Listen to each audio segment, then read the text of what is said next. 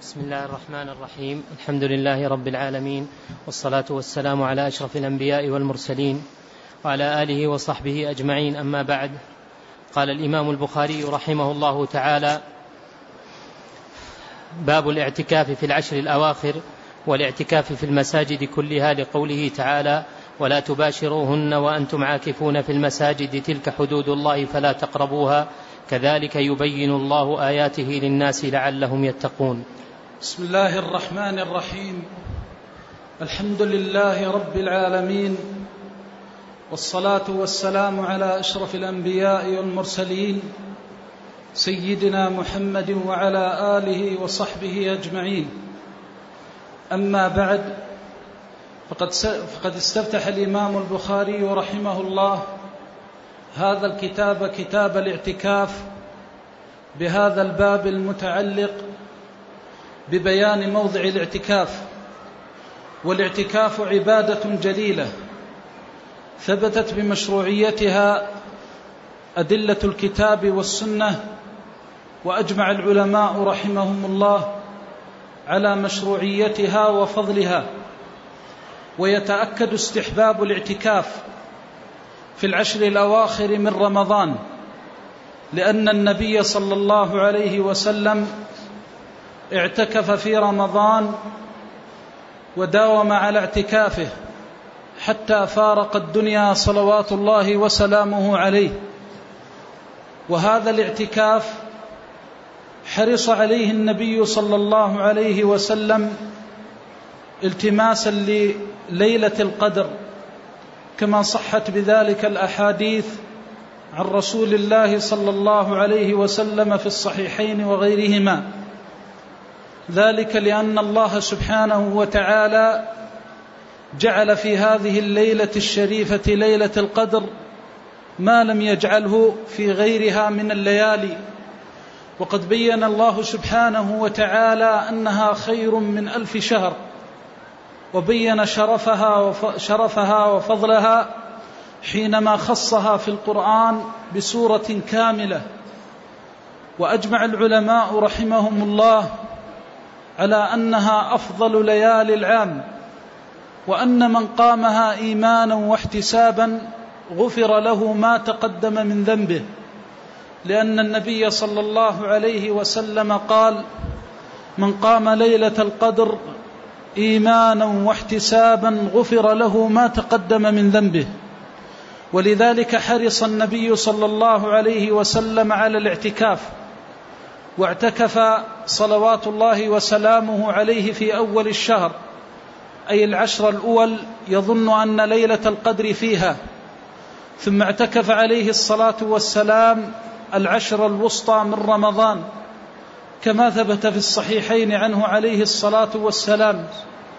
فلما كان يوم العشرين وهو آخر العشر الوسطى نزل عليه جبريل عليه السلام وأخبره أن ليلة القدر أمامه.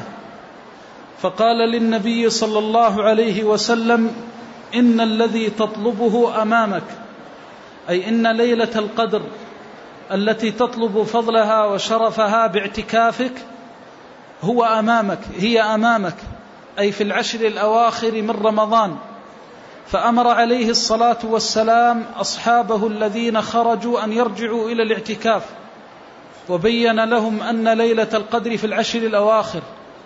وفي هذا وهذا الحديث في الصحيحين عنه عليه الصلاة والسلام. فدل على أن النبي صلى الله عليه وسلم كان يلتمس باعتكافه بلوغ ليلة القدر.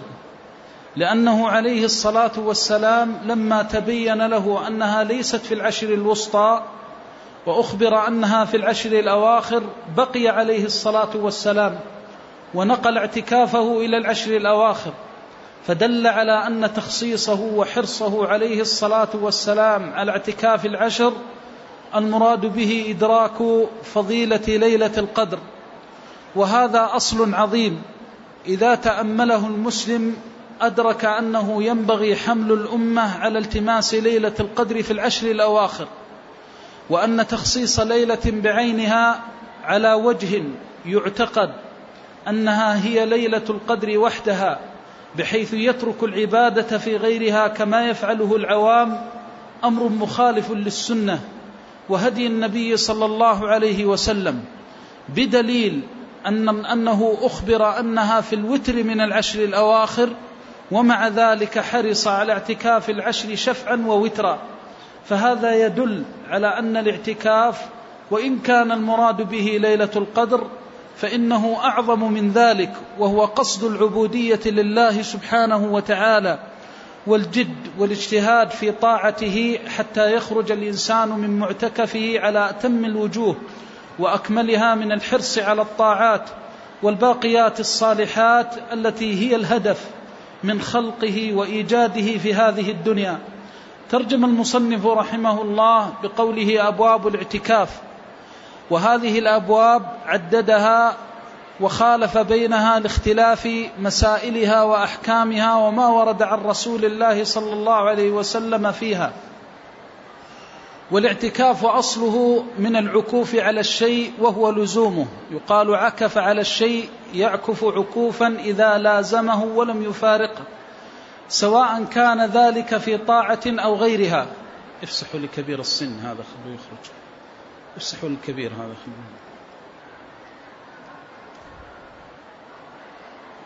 يكون الاعتكاف في الطاعات كالاعتكاف في المساجد كما في قوله تعالى ولا تباشروهن وأنتم عاكفون في المساجد. ويكون الاعتكاف في غير الطاعة كما قال سبحانه حكاية عن نبيه الخليل عليه وعلى نبينا الصلاة والسلام منكرا على قومه ما هذه التماثيل التي أنتم لها عاكفون؟ وقوله التي أنتم لها أي عليها فاللام بمعنى على وهو من معاني اللام كقوله تعالى ومن أساء فلها أي فعليها. والاعتكاف في شريعة الإسلام هو لزوم مخصوص لشيء مخصوص من شخص مخصوص بنية مخصوصة على صفة مخصوصة. فهذا اللزوم المخصوص خرج به مطلق المعنى اللغوي. فالاعتكاف في الشريعة مقيد والاعتكاف في اللغة مطلق. ولذلك لا يمكن أن يسمى الاعتكاف اعتكافا في شريعة الإسلام إلا إذا كان على الصفة الواردة في الكتاب والسنة. وأما قولهم لمكان مخصوص فهو المسجد فلا يصح الاعتكاف في البيت ولا يصح الاعتكاف في غير المسجد كالمزرعة ونحوها بل لا بد وأن يكون في المسجد وجمهور العلماء على أن المرأة لا يصح منها أن تعتكف في مسجد بيتها. وذهب الحنفية رحمهم الله إلى أن المرأة يصح اعتكافها في مسجد بيتها من حيث الجملة وعندهم تفصيل في المذهب. والصحيح ما ذهب إليه الجمهور لظاهر قوله سبحانه وأنتم عاكفون في المساجد فأل في المساجد للمعهود الشرعي وهو المسجد الذي يصدق عليه في حكم الشرع أنه مسجد. وقولهم من شخص مخصوص هو المسلم العاقل المميز الطاهر من الحدث الأكبر فلا تلبث الحائض ولا النفساء في المسجد وإذا نزل الحيض على المرأة المعتكفة فإنها تخرج إلى رحبة المسجد كما وردت بذلك السنة وهو قول طائفة من أصحاب النبي صلى الله عليه وسلم ولا يحكم ببطلان اعتكافها في أصح قولي العلماء وهو مذهب الجمهور وقولهم بنية مخصوصة المراد بهذه النية المخصوصة هي نية التقرب لله عز وجل وقصد الاعتكاف. فالذي يريد أن يعتكف ينبغي له أمران. الأمر الأول أن يكون المقصود من اعتكافه وجه الله سبحانه وتعالى. فلا يكون اعتكافه رياء ولا سمعة ولا غير ذلك من النية المخالفة للشرع. بل إنه يخرج من بيته حين يخرج إلى معتكفه طالبا لمرضاة الله مبتغيا ما عند الله ملتمسا التجارة الرابحة مع الله سبحانه وتعالى. فلا يكون الاعتكاف اعتكافا شرعيا إلا إذا قصد صاحبه وجه الله سبحانه وتعالى وهو شرط العمل الصالح. وثانيا أنه إذا دخل المسجد أو أراد المكث فيه استحضر أنه يقصد الاعتكاف. فلا يكون الاعتكاف لمجرد اللبث والجلوس في المسجد. وسيأتي بالنسبة لهذا الاعتكاف أنه لا يتقيد بزمان. فيجوز لك إذا دخلت المسجد في أي ساعة من ليل أو نهار أن تنوي أنك معتكف فيه الساعة والساعتين والثلاث ساعات والأربع ساعات ولا يشترط في الاعتكاف أن يكون يوما كاملا ولا يشترط فيه في أصح قولي العلماء أن يكون مصحوبا بالصوم بل إنه يصح في الليل كما يصح بالنهار ويصح في أجزاء النهار من الصائم وغير الصائم لما ثبت في الصحيح عنه عليه الصلاة والسلام أن عمر بن الخطاب رضي الله عنه سأله أنه نذر في الجاهلية أن يعتكف ليلة. فأمره النبي صلى الله عليه وسلم أن يوفي باعتذاء أن يوفي أن يوفي بنذره. فدل على أنه لا يشترط في صحة الاعتكاف أن يكون الإنسان صائما ولا يشترط أن يستغرق اليوم تاما كاملا وهو اعتكاف اليوم والليلة. وقوله رحمه الله أبواب الاعتكاف في العشر الأواخر الاعتكاف له صورتان. الصورة الأولى الاعتكاف المطلق الذي يشمل سائر العام والصورة الثانية الاعتكاف المقيد بالزمان وهو اعتكاف العشر الأواخر أو اعتكاف النذر المعين الذي يقصد به أياما معينة أو ليالي معينة. والإمام رحمه الله البخاري ترجم بهذه الترجمة التي خص فيها الاعتكاف بالعشر الأواخر. وإلا فالأصل في الاعتكاف أنه يصح في رمضان وغير رمضان ويصح في العشر الأواخر وغير العشر الأواخر وإنما نص رحمه الله على العشر الأواخر لفضلها وشرفها وتأكد استحباب الاعتكاف فيها فالاعتكاف مستحب لكنه في العشر الأواخر من رمضان آكد استحبابا كما يقول العلماء رحمهم الله والعشر الأواخر ال في الأواخر للعهد المراد بها العشر الأواخر ال المراد بها هنا العهد وهي العهد الذهني والمراد بها العشر الأواخر من رمضان. ورمضان فيه العشر الأوائل والعشر الأواسط والعشر الأواخر. وإذا قيل في الشهر العشر الأواخر فهي الأيام العشرة من آخر الشهر. ويشمل ذلك ما إذا كان الشهر تاما فهي عشر تامة أو كان الشهر ناقصا كأن يكون تسعا وعشرين يوما فهي عشر أواخر لأن الله يكتب فيها الأجر تاما كاملا للعبد. كما ثبت في الصحيحين من حديث عبد الله بن عمر رضي الله عنهما أن النبي صلى الله عليه وسلم قال الشهر هكذا وهكذا أن يكون تسعا وعشرين ويكون ثلاثين. ولما ثبت في الصحيح عنه عليه الصلاة والسلام أنه قال شهر عيد لا ينقصان رمضان وذو الحجة. قال بعض العلماء فيه دليل على أن رمضان إذا كان تسعا وعشرين كتب الله الأجر للأمة ثلاثين يوما وإن كانت قد صامت تسعا وعشرين. وهكذا من نوى اعتكاف العشر الأواخر ثم إنه ثبت أن الشهر تسع وعشرين كتب له الشهر كامل. وهذا راجع إلى أصل شرعي لأن في نيته وعقيدته أنه يتم العشر. وشاء الله ألا تتم فيكتب له ما نوى. كالعامل إذا عمل عند الإنسان واستأجره يوما كاملا ولم يعمل عنده فإنه يستحق الأجر إذا كان المنع من رب العمل. فهذا من أمر الله سبحانه وتعالى. وقوله العشر الأواخر يتأكد استحبابها كما ذكرنا ويبدأ اعتكافها أن يدخل المعتكف ويدخل المسجد قبل مغيب الشمس من يوم العشرين من رمضان لأنه إذا غابت عليه الشمس وهو داخل المسجد فقد استتم العشر كاملة لأن العشر تبدأ بمغيب شمس يوم العشرين من شهر رمضان. فهذا هو الذي يحقق الإنسان به الاعتكاف للعشر تاما كاملة. فتنتهي بمغيب شمس آخر يوم من رمضان. فإذا غابت الشمس يوم الثلاثين جاز للمعتكف أن يخرج من معتكفه ولا يشترط أن يبقى إلى صلاة العيد بل إنه يخرج بمغيب الشمس من اليوم الثلاثين من رمضان.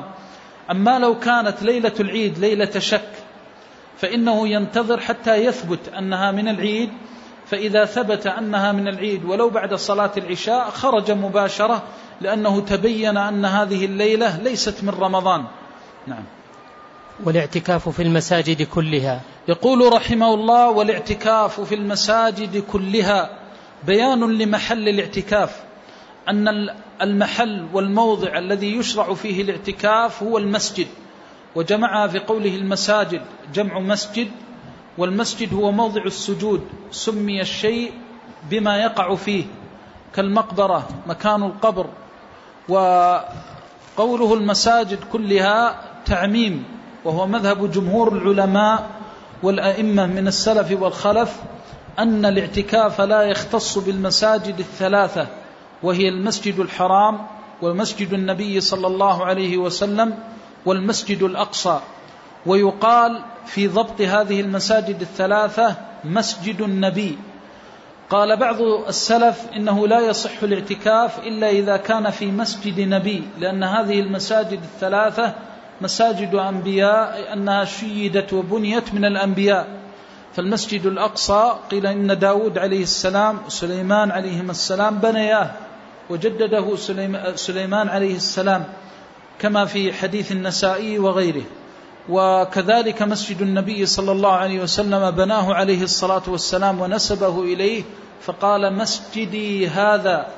وأما المسجد الحرام فقد بناه الخليل فقد رفع قواعده الخليل وقيل إنه موجود من أول الخلق. هذا القول أثر عن حذيفة بن اليمان وهو قول بعض السلف كالزهري وهو قول عن مالك وجماهير العلماء والأئمة من الصحابة والتابعين ومن بعدهم أن الاعتكاف يصح في غير المساجد الثلاثة من حيث الجملة. والإمام البخاري رحمه الله بين لنا بهذا أنه يجوز لك أن تعتكف في كل ما يصدق عليه أنه مسجد. لكن من العلماء من يقول بوجوب الصلاة مع الجماعة يقولون الذين يقولون بوجوب الصلاة مع الجماعة لا يصححون الاعتكاف في مسجد لا تقام فيه الجماعة. وأما على القول بعدم وجوب الصلاة مع الجماعة فيصح عندهم أن يعتكف في مسجد الحي الذي تصلى فيه بعض الصلوات. فلو كان هناك مسجد في حيك تصلى فيه ثلاثة فروض أو يصلى فيه أربعة فروض أو يصلى فيه فرضان كمساجد العمال ونحوها وأراد الإنسان أن يعتكف فيه صح اعتكافه في مذهب جمهور العلماء لعموم الآية الكريمة. أما لو أنه أراد أن يعتكف أسبوعا أو يعتكف العشر تامة كاملة فإنه يعتكف في مسجد يجمع فيه لأنه لا بد له من صلاة الجمعة وهي واجبة عليه ولذلك ينبغي أن يكون اعتكافه في مسجد الجمعة وتفصيل ذلك في الفروع. نعم. لقوله تعالى ولا تباشروهن وأنتم عاكفون في المساجد. أي هذا الحكم من كون الاعتكاف يصح في المساجد كلها لقوله تعالى ولا تباشروهن وأنتم عاكفون في المساجد. واللام للتعليل والتعليل المراد به هنا الاستدلال وهو منهج العلماء رحمهم الله. إذا جاء الحكم متبوعا بهذا الحرف في نص من الكتاب أو نص من السنة فهو استدلال. سواء من الكتاب أو من السنة. تقول يجب هذا لقوله تعالى ويجب هذا لقوله عليه الصلاة والسلام. هذا استدلال. وقوله لقوله تعالى ولا تباشروهن لا تباشروهن لا ناهية. والنهي يدل على التحريم لأن القاعدة في الأصول وهو مذهب جمهور العلماء أن الأصل في النهي أن يحمل على التحريم حتى يدل الدليل على الكراهة. وقوله سبحانه لا تباشرهن آه تباشرهن تفاعل تفاعلوهن. المفاعلة هنا مأخوذة من البشرة والمراد بالمباشرة إلصاق البشرة بالبشرة. وتأتي على صورتين في القرآن إما أن يراد بها الجماع وهي غاية المباشرة وإما أن يراد بها مقدمات الجماع كأن يقبل امرأته ويلمسها بشهوة. فذهب جمهور العلماء والمفسرين وهو وينسب للأك كما يعبر عنه بعض أئمة التفسير بالأكثر إلى أن المراد بقوله ولا تباشروهن أي ولا تجامعوهن. فدل على تحريم الجماع على المعتكف وهذا محل إجماع بين العلماء رحمهم الله أن الاعتكاف يبطل بالجماع. فلو أن شخصا كان معتكفا ثم خرج إلى بيته لقضاء حاجة فتحركت شهوته فجامع امرأته بطل اعتكافه وعليه أن يستأنف من, من جديد وهذا بإجماع العلماء رحمهم الله. فالجماع مفسد للاعتكاف قولا واحدا. الوجه الثاني في قوله تعالى ولا تباشروهن أن المراد به مقدمات الجماع. فقالوا إن الآية الكريمة نهت عن التقبيل واللمس بشهوة. فلا يلمس امرأته إذا كان معتكفا وخرج إلى بيته أو كانت امرأته معتكفة معه في المسجد أو جاءت تزوره في المسجد كما ورد عن النبي صلى الله عليه وسلم في حديث صفية رضي الله عنها فلا يجوز له أن يلمسها بشهوة ولا أن يقبلها بشهوة. وهذا التفسير هو قول زيد بن ثابت رضي الله عنه وهو قول مالك رحمه الله. ومحل محل الخلاف آه، إنما هو في المقصود بالآية نصا. هل المقصود الجماع أم المقصود بها مقدمات الجماع؟ أما من حيث الحكم فكلهم مجمعون على أنه لا يجوز للمعتكف أن يباشر امرأته بشهوة لا يجوز له أن يقبلها بشهوة ولا يجوز له أن يلمسها بشهوة كلهم متفقون على هذا. إنما الخلاف في معنى الآية الكريمة. لكن السؤال طبعا على قول زيد بن ثابت والإمام مالك رحمه الله رحمه الله ورضي الله عن زيد وعن أصحاب النبي صلى الله عليه وسلم أجمعين بناء على هذا القول الذي يقول إن الآية المراد بها مقدمات الجماع يتفقون مع القول الأول أنه إذا كان يحرم على المعتكف أن يلمس ويقبل بشهوة فمن باب أولى أن يحرم عليه أن يجامع. فهم متفقون على تحريم اللمس والمباشرة بشهوة. ولكن يرد السؤال لو أنه خرج من معتكفه إلى بيته أو جاءته امرأته تزوره في المسجد فقبلها بشهوة أو لمسها بشهوة هل يبطل اعتكافه؟ جمهور العلماء على أنه لا يبطل الاعتكاف إلا إذا أنزل. وأما المالكية فإنه يبطل عندهم الاعتكاف.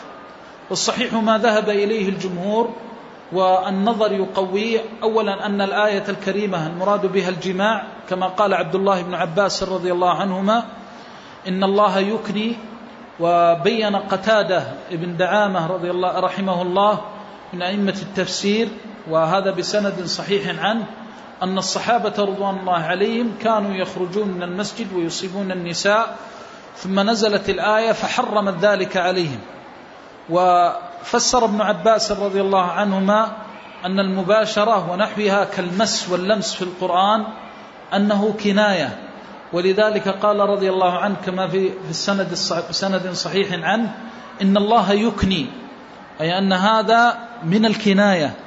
فيكون المراد بقوله ولا تباشروهن أي ولا تجامعوهن كقوله تعالى وإن طلقتموهن من قبل أن تمسوهن. المراد به الجماع. وبناء على ذلك يترجح قول الجمهور ومما يرجحه القياس والنظر الصحيح فإن الشرع يقوى بإلحاق النظير بنظيره تبين أحكام الشريعة بإلحاق النظير بنظيره فالصوم والحج لا يبطل بمباشرة المرأة بشهوة ما لم يحصل به إنزال. وبناء على ذلك لا يبطل الاعتكاف إذا قبل أو لمس بشهوة إلا إذا أنزل وهو مذهب جمهور العلماء والأئمة رحمهم الله. يقول سبحانه ولا تباشروهن. الضمير في قوله هن أي النساء لأنه صدر الآية في قوله سبحانه أحل لكم ليلة الصيام الرفث إلى نسائكم. فالمراد بقوله ولا تباشروهن أي لا تباشروا النساء. والمباشرة تنقسم إلى قسمين إذا كانت بمقدمات الجماع. إما أن تكون المباشرة بشهوة كما ذكرنا في التقبيل واللمس بشهوة. لو لمس أي عضو من المرأة بشهوة فهذه من مقدمات الجماع ومن المباشرة المحرمة. الصورة الثانية أن تكون المباشرة بدون شهوة مثل أن يلمس امرأته أو يقبلها حنانا أو رحمة. رآها تألمت من شيء فقبلها حنانا ورحمة أو جبرا لخاطرها لا لمعنى الشهوة فإنه بالإجماع لا يؤثر ذلك في اعتكافه. والدليل على ذلك ما ثبت في الصحيح عنه عليه الصلاة والسلام أنه كان يدني رأسه لأم المؤمنين عائشة رضي الله عنها وهو معتكف في المسجد. فتغسل له رأسه وترجله كما سيأتي إن شاء الله تعالى. فدل هذا على أن اللمس للمرأة بدون شهوة أنه لا ينقض الاعتكاف ولا يؤثر فيه. يقول جل جلاله ولا تباشروهن وأنتم عاكفون في المساجد. جملة حالية. وقوله عاكفون فيه مسائل. المسألة الأولى أن التعبير بقوله عاكفون يدل على أن من أراد أن يعتكف في مسجد أنه لا يفارقه. لأن أصل هذه المادة في لسان العرب ولغة العرب تدل على اللزوم وانتفاء المفارقة. ومن هنا أجمع العلماء رحمهم الله على أنه لا يجوز للمعتكف أن يخرج من معتكفه بدون حاجة. وأجمعوا على أنه لو خرج من معتكفه بدون حاجة بطل اعتكافه. ثم اختلفوا في ضابط الخروج. فقال جمهور العلماء لو خرج بمجرد أن يخرج جسده كاملا من المسجد أو أغلب الجسد من المسجد ولو لحظة واحدة بطل اعتكافه لأنه يناقض هذه الحقيقة اللغوية وهي لزوم المسجد. وقال الحنفية إنه يبطل اعتكافه ثم اختلفوا في الضابط. فالمذهب على أنه ساعة والمراد بساعة ليس الساعة التي هي جزء من 24 ساعة التي هي أجزاء النهار كما في حديث أبي داود والساعة المعروفة عندنا اليوم وهي ستون دقيقة وإنما المراد بالساعة القدر من الزمان. والفرق بين القولين أنه إذا خرج ثم رجع مباشرة كطرف العين ونحوه انتقض اعتكافه عند الجمهور ولم ينتقض عند الحنفية. وذهب الصاحبان إلى أن العبرة بأكثر النهار أنه إذا خرج فجلس خارج المسجد أكثر النهار بطل اعتكافه. والصحيح ما ذهب إليه الجمهور لظاهر هذا هذه الآية في مفهوم اللفظ في لسان العرب. المسألة الثانية في قوله وأنتم عاكفون يدل على أنه لا يخرج من المسجد فاتفقوا وأجمعوا على أنه إذا خرج من دون حاجة بطل اعتكافه والعبرة بالخروج بأكثر الجسد. وبناء على ذلك لو أنه خرج من الباب من باب المسجد أخرج جسمه من باب المسجد ووضع ركبتيه بعد الباب خارج المسجد وبقيت قدماه داخل المسجد بطل اعتكافه لأن أكثر الجسم خارج المسجد. والدليل على هذا أن النبي صلى الله عليه وسلم بين أن العبرة بأكثر الجسد لأنه ثبت في الصحيح عنه عليه الصلاة والسلام من حديث أم المؤمنين عائشة أنه كان يخرج رأسه إلى أم المؤمنين من أجل أن تغسله وترجله. فخرج جزء من الجسد وبقي أكثر الجسد فدل على أن الاعتكاف لا ينتقض بخروج الأقل. وأن العبرة بالأكثر لأنه صحح اعتكافه لأن أكثر جسده داخل المسجد. فصار إذا صار العكس وهو أن يكون أكثر الجسد خارج المسجد وأقل الجسد داخل المسجد كان صورة عكسية موجبة للحكم ببطلان الاعتكاف. أما إذا كان الخروج لحاجة الحاجة مثل قضاء الحاجة من بول أو غائط ونحو ذلك مما لا بد للإنسان منه فإنه لا يبطل اعتكافه. ولكن يشترط أن تكون هناك حاجة بحيث لا يمكنه أن يقضي هذه الحاجة وهو داخل المسجد. فلو أنه احتاج للبول وأمكنه أن يبول في الإناء وهذا وارد عنه عليه الصلاة والسلام وهو ما يسمى بالمبولة وهو الإناء الذي يبال فيه. وأجاز بعض العلماء إذا بال في إناء داخل المسجد أجاز له البول لأن المنع من البول داخل المسجد إنما هو لمكان التلويث. فقرر بعض العلماء أنه لا يخرج وإن كان الأقوى أنه يخرج.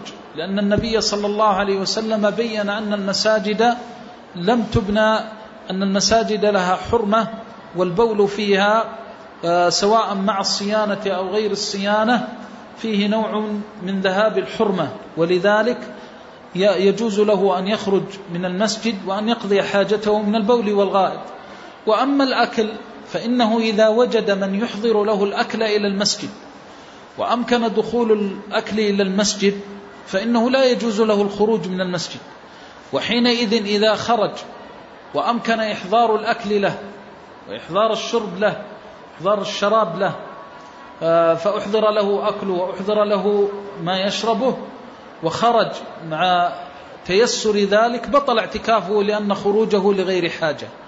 لا يؤثر في الاعتكاف الخروج لوجود الحاجة. وبناء على ذلك يجوز للمعتكف أن يخرج لحاجة لأن النبي صلى الله عليه وسلم كان من هديه أنه خرج من مسجده لحاجته.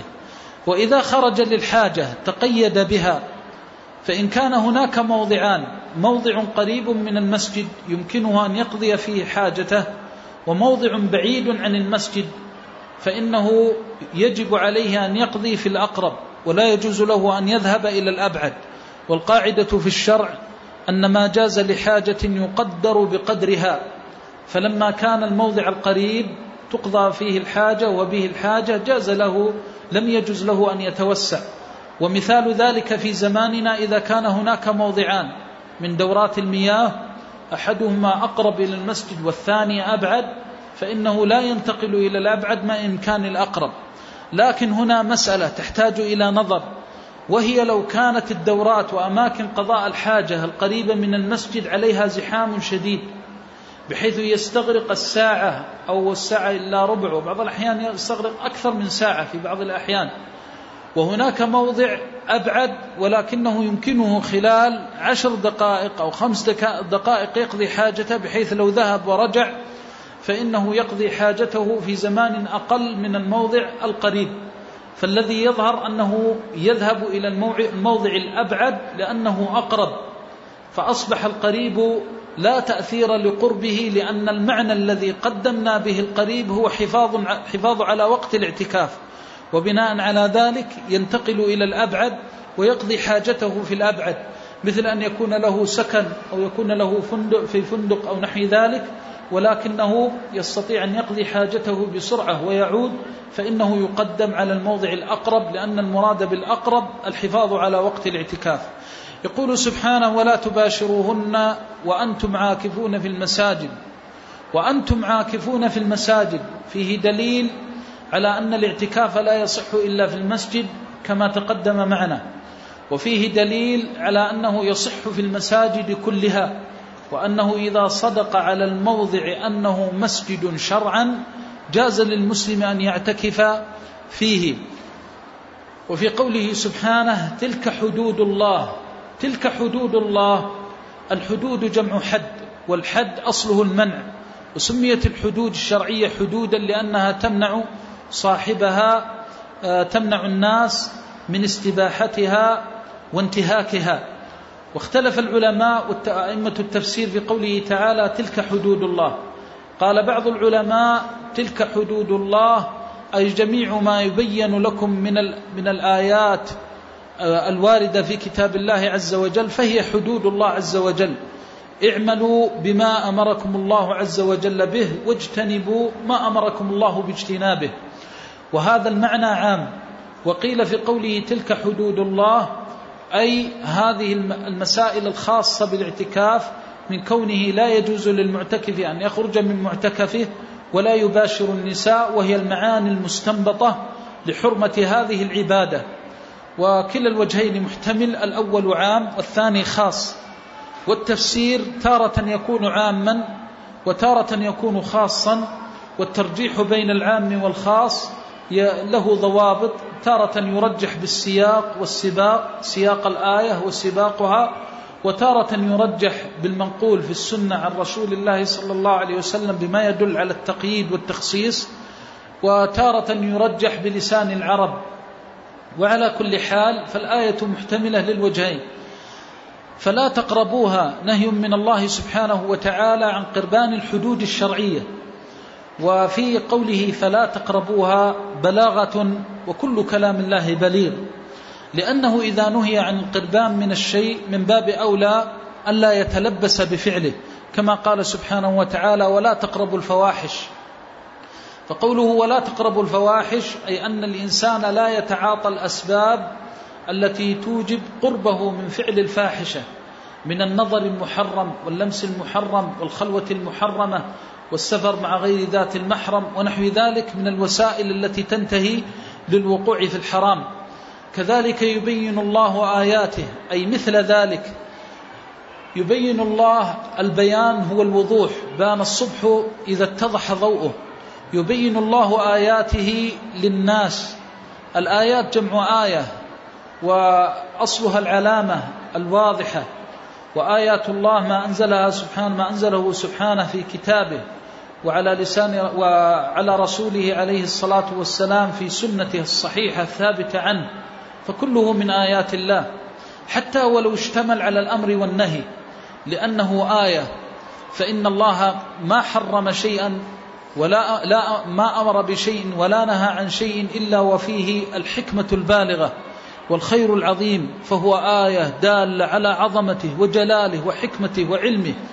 فلا أصدق من الله قيلا ولا أحكم من الله حكما وكل شيء فصلناه تفصيلا وتمت كلمة ربك صدقا وعدلا لا مبدل لكلماته وهو السميع العليم لعلهم يتقون والتقوى أصلها من الوقاية وقيل المراد بها أن يجعل الإنسان بينه وبين غضب الله وسخط الله وقاية أو يجعل بينه وبين حدود الله ومحارم الله وقاية وأعظم وقاية يجعلها العبد بتوفيق الله هي الخوف من الله والخشية من الله سبحانه وتعالى واستشعار أن الله يسمعه ويراه. فما من عبد قذف الله في قلبه هذا النور إلا كان فرقانا يفرق به بين الحق والباطل.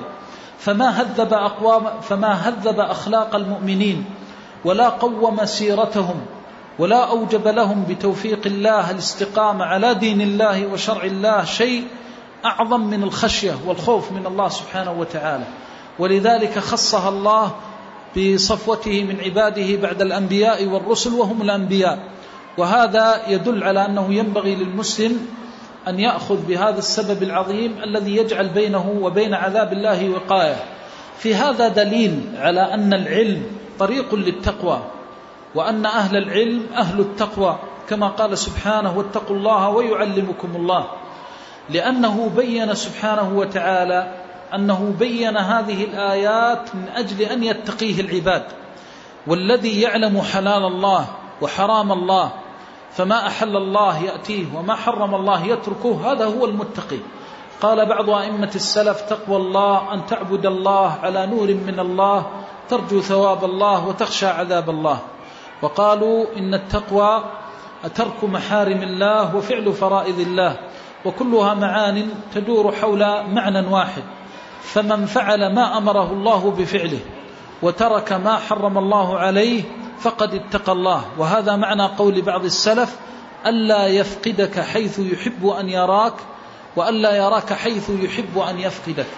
فالله يحب أن يراك في الصلاة مع الجماعة وأن يراك في الجمع والجماعات فتحرص على أنه لا يفقدك في هذا المكان. ولا يحب الله أن يراك في مواطن المحرمة التي تسخطه وتغضبه. ولذلك قال سبحانه وقد نزل عليكم في الكتاب أن إذا سمعتم آيات الله يكفر بها ويستهزأ بها فلا تقعدوا معهم حتى يخوضوا في حديث غيره. فحرم علينا الجلوس في المكان الذي يعصى فيه. فإذا كان الإنسان لا يجلس ولا يكون في الموضع الذي يحب الله أن يفقده فيه ولا يفقد في الموضع الذي يحب أن يراه الله فيه فهو من أهل التقوى. اتقى الله والتقوى سبيل الخير في الدنيا والآخرة. فما خرج عبد من الدنيا بزاد أحب إلى الله منها. وتزودوا فإن خير الزاد التقوى. وما لقي عبد ربه بشيء هو وسيلة نافعة شافعة مثل تقواه وإذا استكمل التقوى فإنه يصل إلى درجات الإحسان. والتقوى سبيل لكل خير ولذلك ذكرها الله عز وجل في مواضع عديدة من كتابه. وأخبر أنه مع أهلها وأنه يحب أهلها. وهذا من أعظم ما يكون في الدلالة على فضلها وشرفها وشرف أهلها. ولو, يكن ولو لم يكن في التقوى إلا أن الله سبحانه وتعالى شهد لأهلها بأنهم أهل ولايته. فقال سبحانه ألا إن أولياء الله لا خوف عليهم ولا هم يحزنون. الذين آمنوا وكانوا يتقون. وما أسر عبد سريرة فيما بينه وبين الله مثل تقوى الله عز وجل. ومن كان في قرارة قلبه متقيا لله سبحانه ظهرت آثار تقواه على أقواله وأعماله وأفعاله. وهذا يدل على حرص الشرع والوحي على أن يبلغ الناس هذا المبلغ وهو تقوى الله عز وجل. ومن هنا من حفظ وحافظ في اعتكافه على الواجبات التي ينبغي أن يحافظ عليها وترك المحرمات التي ينبغي عليه أن يتركها. وحرص على الفضائل والكمالات أصاب تقوى الله عز وجل جعلنا الله وإياكم من أهل التقوى وأوجب لنا ولكم المحبة والرضا وسلك بنا وبكم سبيل أهلها إنه ولي ذلك والقادر عليه نعم. قال رحمه الله حدثنا إسماعيل بن عبد الله قال حدثني ابن وهب عن يونس أن نافعا أخبره عن عبد الله بن عمر رضي الله عنهما قال كان رسول الله صلى الله عليه وسلم يعتكف العشر الأواخر من رمضان. هذا الحديث فيه دليل على مشروعية الاعتكاف العشر الأواخر وفيه دليل على أنها أفضل وأكمل ما يكون في الاعتكاف. وهذا هو مقصود الإمام البخاري رحمه الله لأنه بين الاعتكاف المخصوص فقال في العشر الأواخر. وأجمع العلماء رحمهم الله على تأكد استحباب اعتكاف هذه العشر. والعشر الأواخر من رمضان كما تقدم هي الآخر آخر الأمرين من رسول الله صلى الله عليه وسلم في اعتكافه. وفي قوله كان يعتكف العشر الأواخر يدل على أنه داوم عليه الصلاة والسلام وحافظ على اعتكاف هذه العشر. وهنا مسألة وهي أنه لا يشترط في صحة الاعتكاف أن يعتكف الإنسان العشر أو يترك الاعتكاف. يجوز له أن يعتكف العشر كاملة وأن يعتكف بعض العشر لأن القرآن أطلق في الاعتكاف فقال وأنتم عاكفون في المساجد. فمن أراد أن يعتكف ليلة اعتكف ومن أراد أن يعتكف ليلتين اعتكف وثلاث أو أربع على حسب ما تيسر له. فإن الناس يختلفون في الشغل.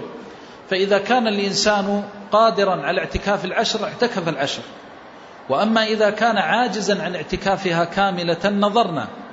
فإن كان يستطيع أن يعتكف النصف فإنه يقدم الليالي الوتر على الليالي الشفع لأن النبي صلى الله عليه وسلم بين بسنته أن المقصود بالاعتكاف طلب ليلة القدر وبين بسنته أنها في الوتر أرجى من غيره. فدل على تقديم الوتر على غيره. ثم بعد ذلك على حسب إذا عجز عن الأيام كلها ولم يستطع إلا بعض الأيام اعتكف ما ظهر ورجح في اعتقاده أنه ليلة القدر من الوتر. نعم. قال رحمه الله حدثنا عبد الله بن يوسف قال حدثنا الليث عن عقيل عن ابن شهاب عن عروة بن الزبير عن عائشة رضي الله عنها زوج النبي صلى الله عليه وسلم أن النبي صلى الله عليه وسلم كان يعتكف العشر الأواخر من رمضان حتى توفاه الله ثم اعتكف أزواجه من بعده. كان يعتكف العشر الأواخر حتى توفاه الله.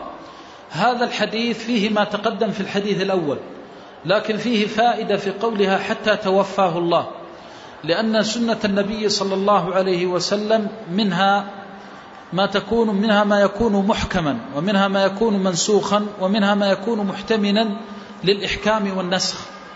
فإذا جاء هذا اللفظ أنه داوم على القول والفعل حتى توفاه الله صار دليلا بينا على أنه محكم وأنه غير منسوخ. وقولها حتى توفاه الله دليل على أنه آخر الأمر وأنه عليه الصلاة والسلام داوم على ذلك وحافظ عليه. نعم. ثم اعتكف أزواجه من بعده. ثم اعتكف أزواجه من بعده. وهذا يدل على الحرص على السنة.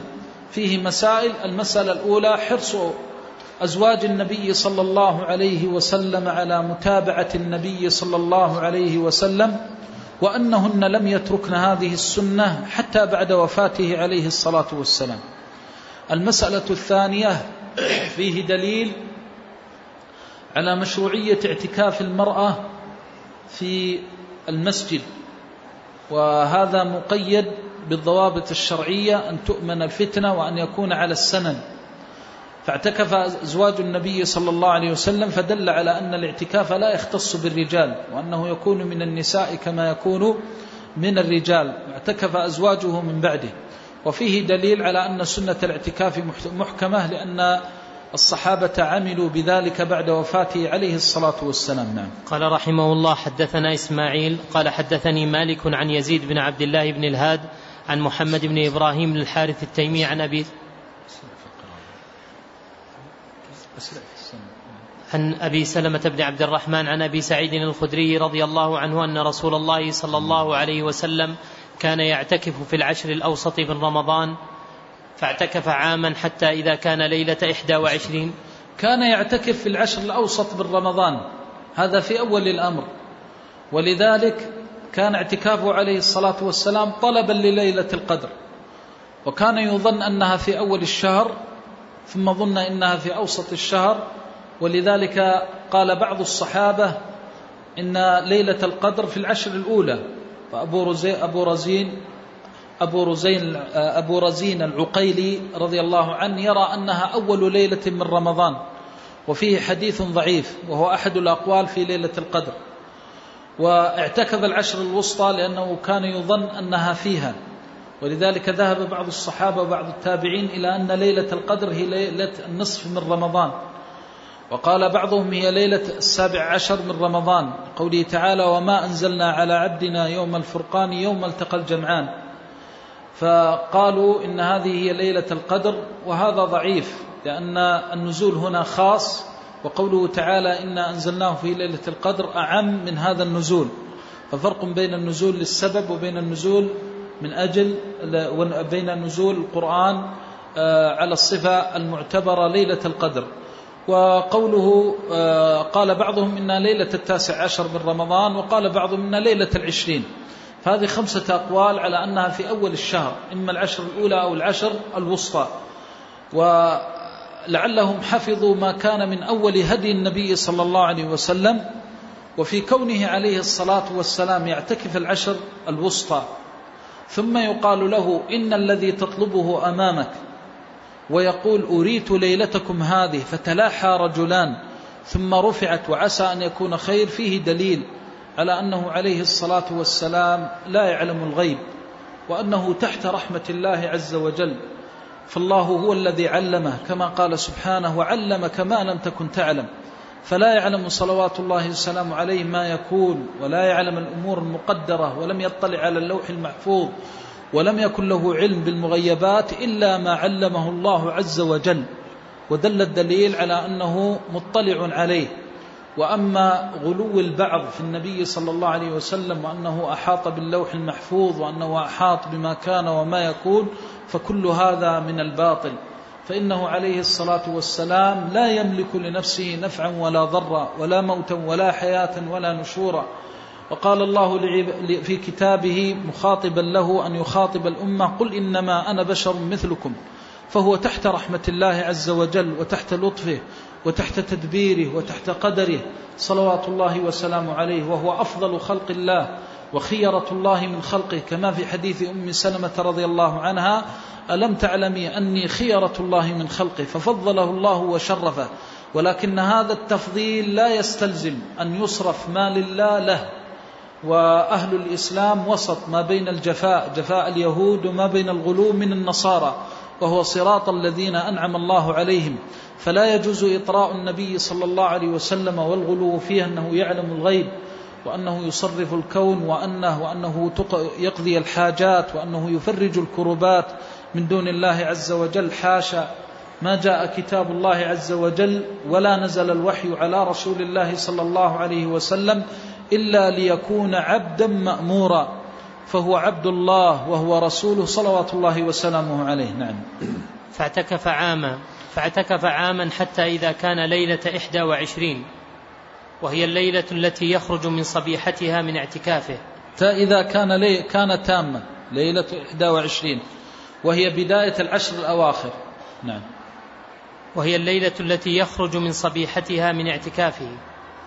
قال من كان اعتكف معي فليعتكف العشر الأواخر وقد أريت هذه الليلة ثم أنسيتها.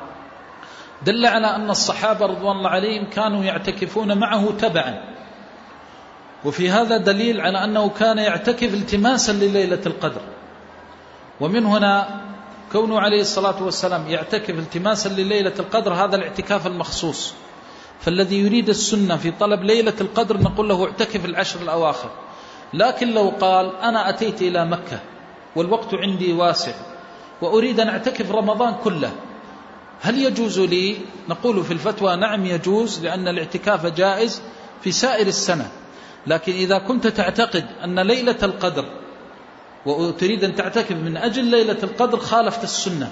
لأن السنة أن تعتكف العشر الأواخر. والنبي صلى الله عليه وسلم قال تحروها فمن كان متحرها فليتحرها في الوتر من العشر الأواخر. فهذا يدل على أن السنة أن يعتكف إذا أراد العشر إذا أراد ليلة القدر أن يعتكف العشر الأواخر. أما لو قال إني عبد أريد العبادة وأريد الخير وعندي شهر إجازة أريد أن أقضيه في مكة ووافق شهر رمضان وأريد أن أعتكف رمضانا كاملا أجل زيادة من الخير وترويض نفسي على الطاعة والبر نقول لا بأس ولا حرج في ذلك. وهكذا لو قال أريد أن أعتكف في مسجد حي أما لو قصد ليلة القدر فالسنة بينت أنه يعتقد تعتقد ليلة القدر في العشر الأواخر.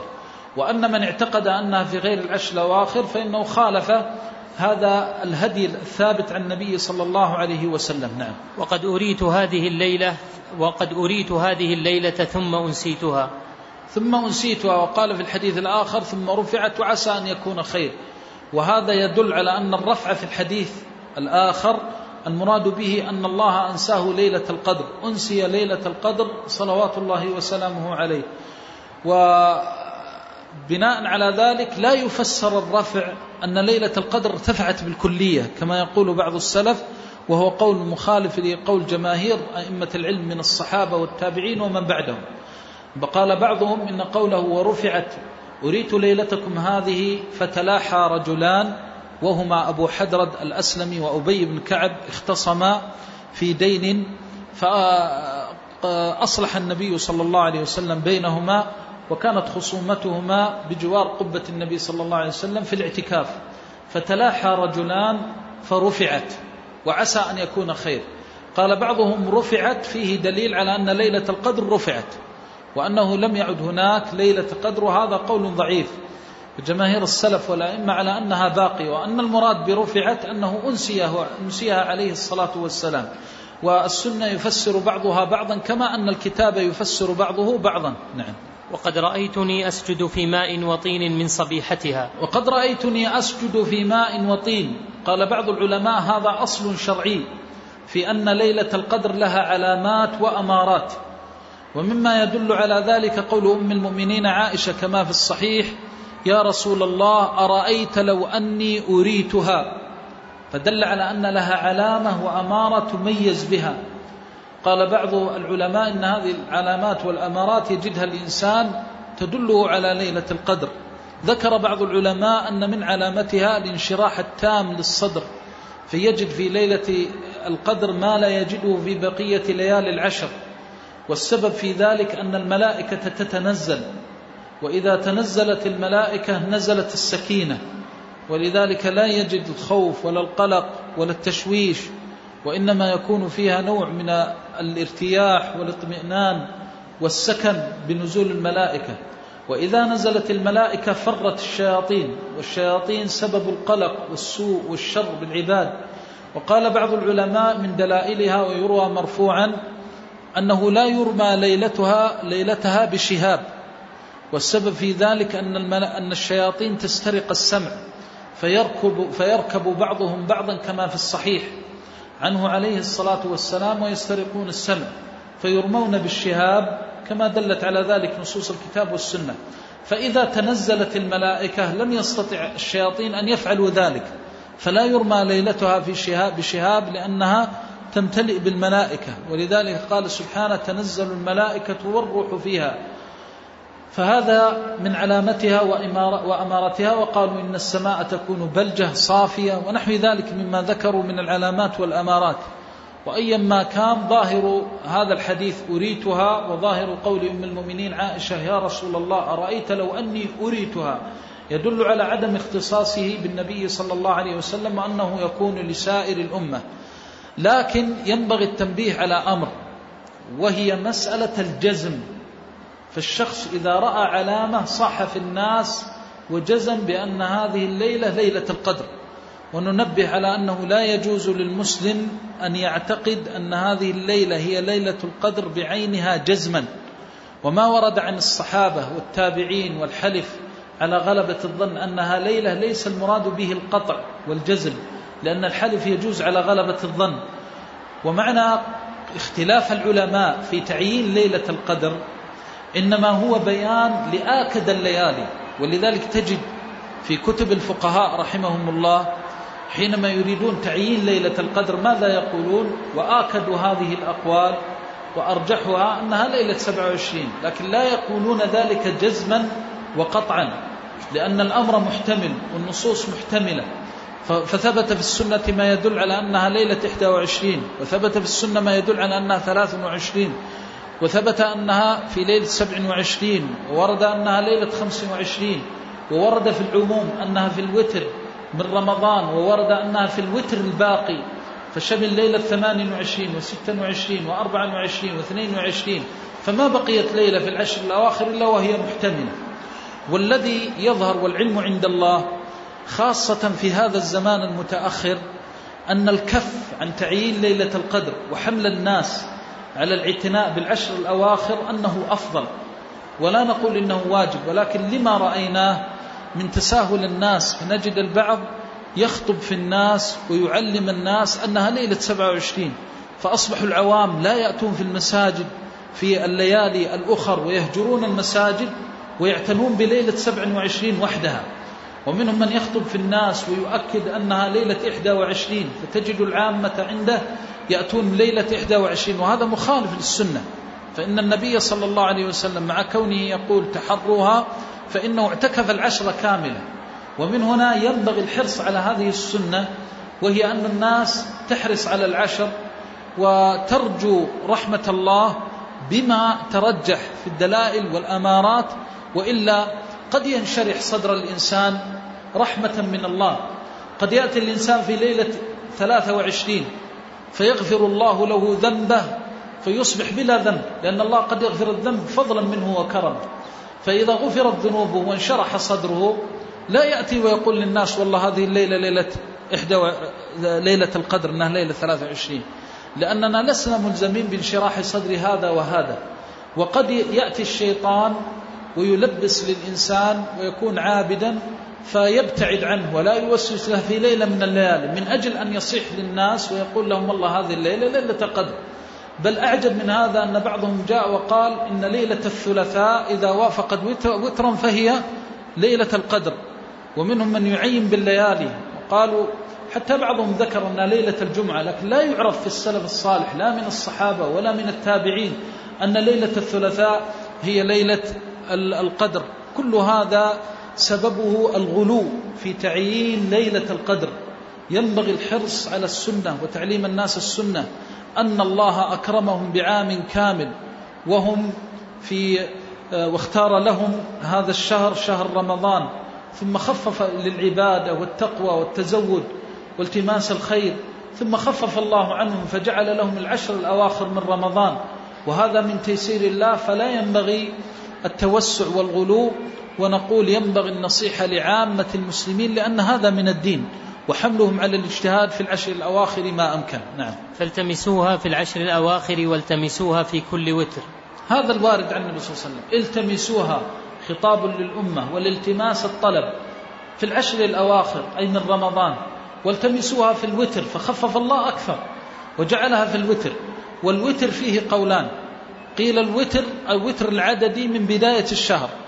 وبناء على ذلك يشمل ليلة 21 و23 و25 و27 و29 وقيل الوتر فيما بقي من الشهر. فإذا بقيت ليلة فمعناه ليلة الثلاثين. وإذا بقيت ثلاث ليالي ثمانية وعشرين ثم ست وعشرون ثم أربع وعشرون ثم ليلة اثنين وعشرون ليلة اثنين وعشرين. فهذه هذان قولان. لأن النبي صلى الله عليه وسلم قال في سابعة تبقى وخامسة تبقى. فهذا يدل على العدد الشفعي.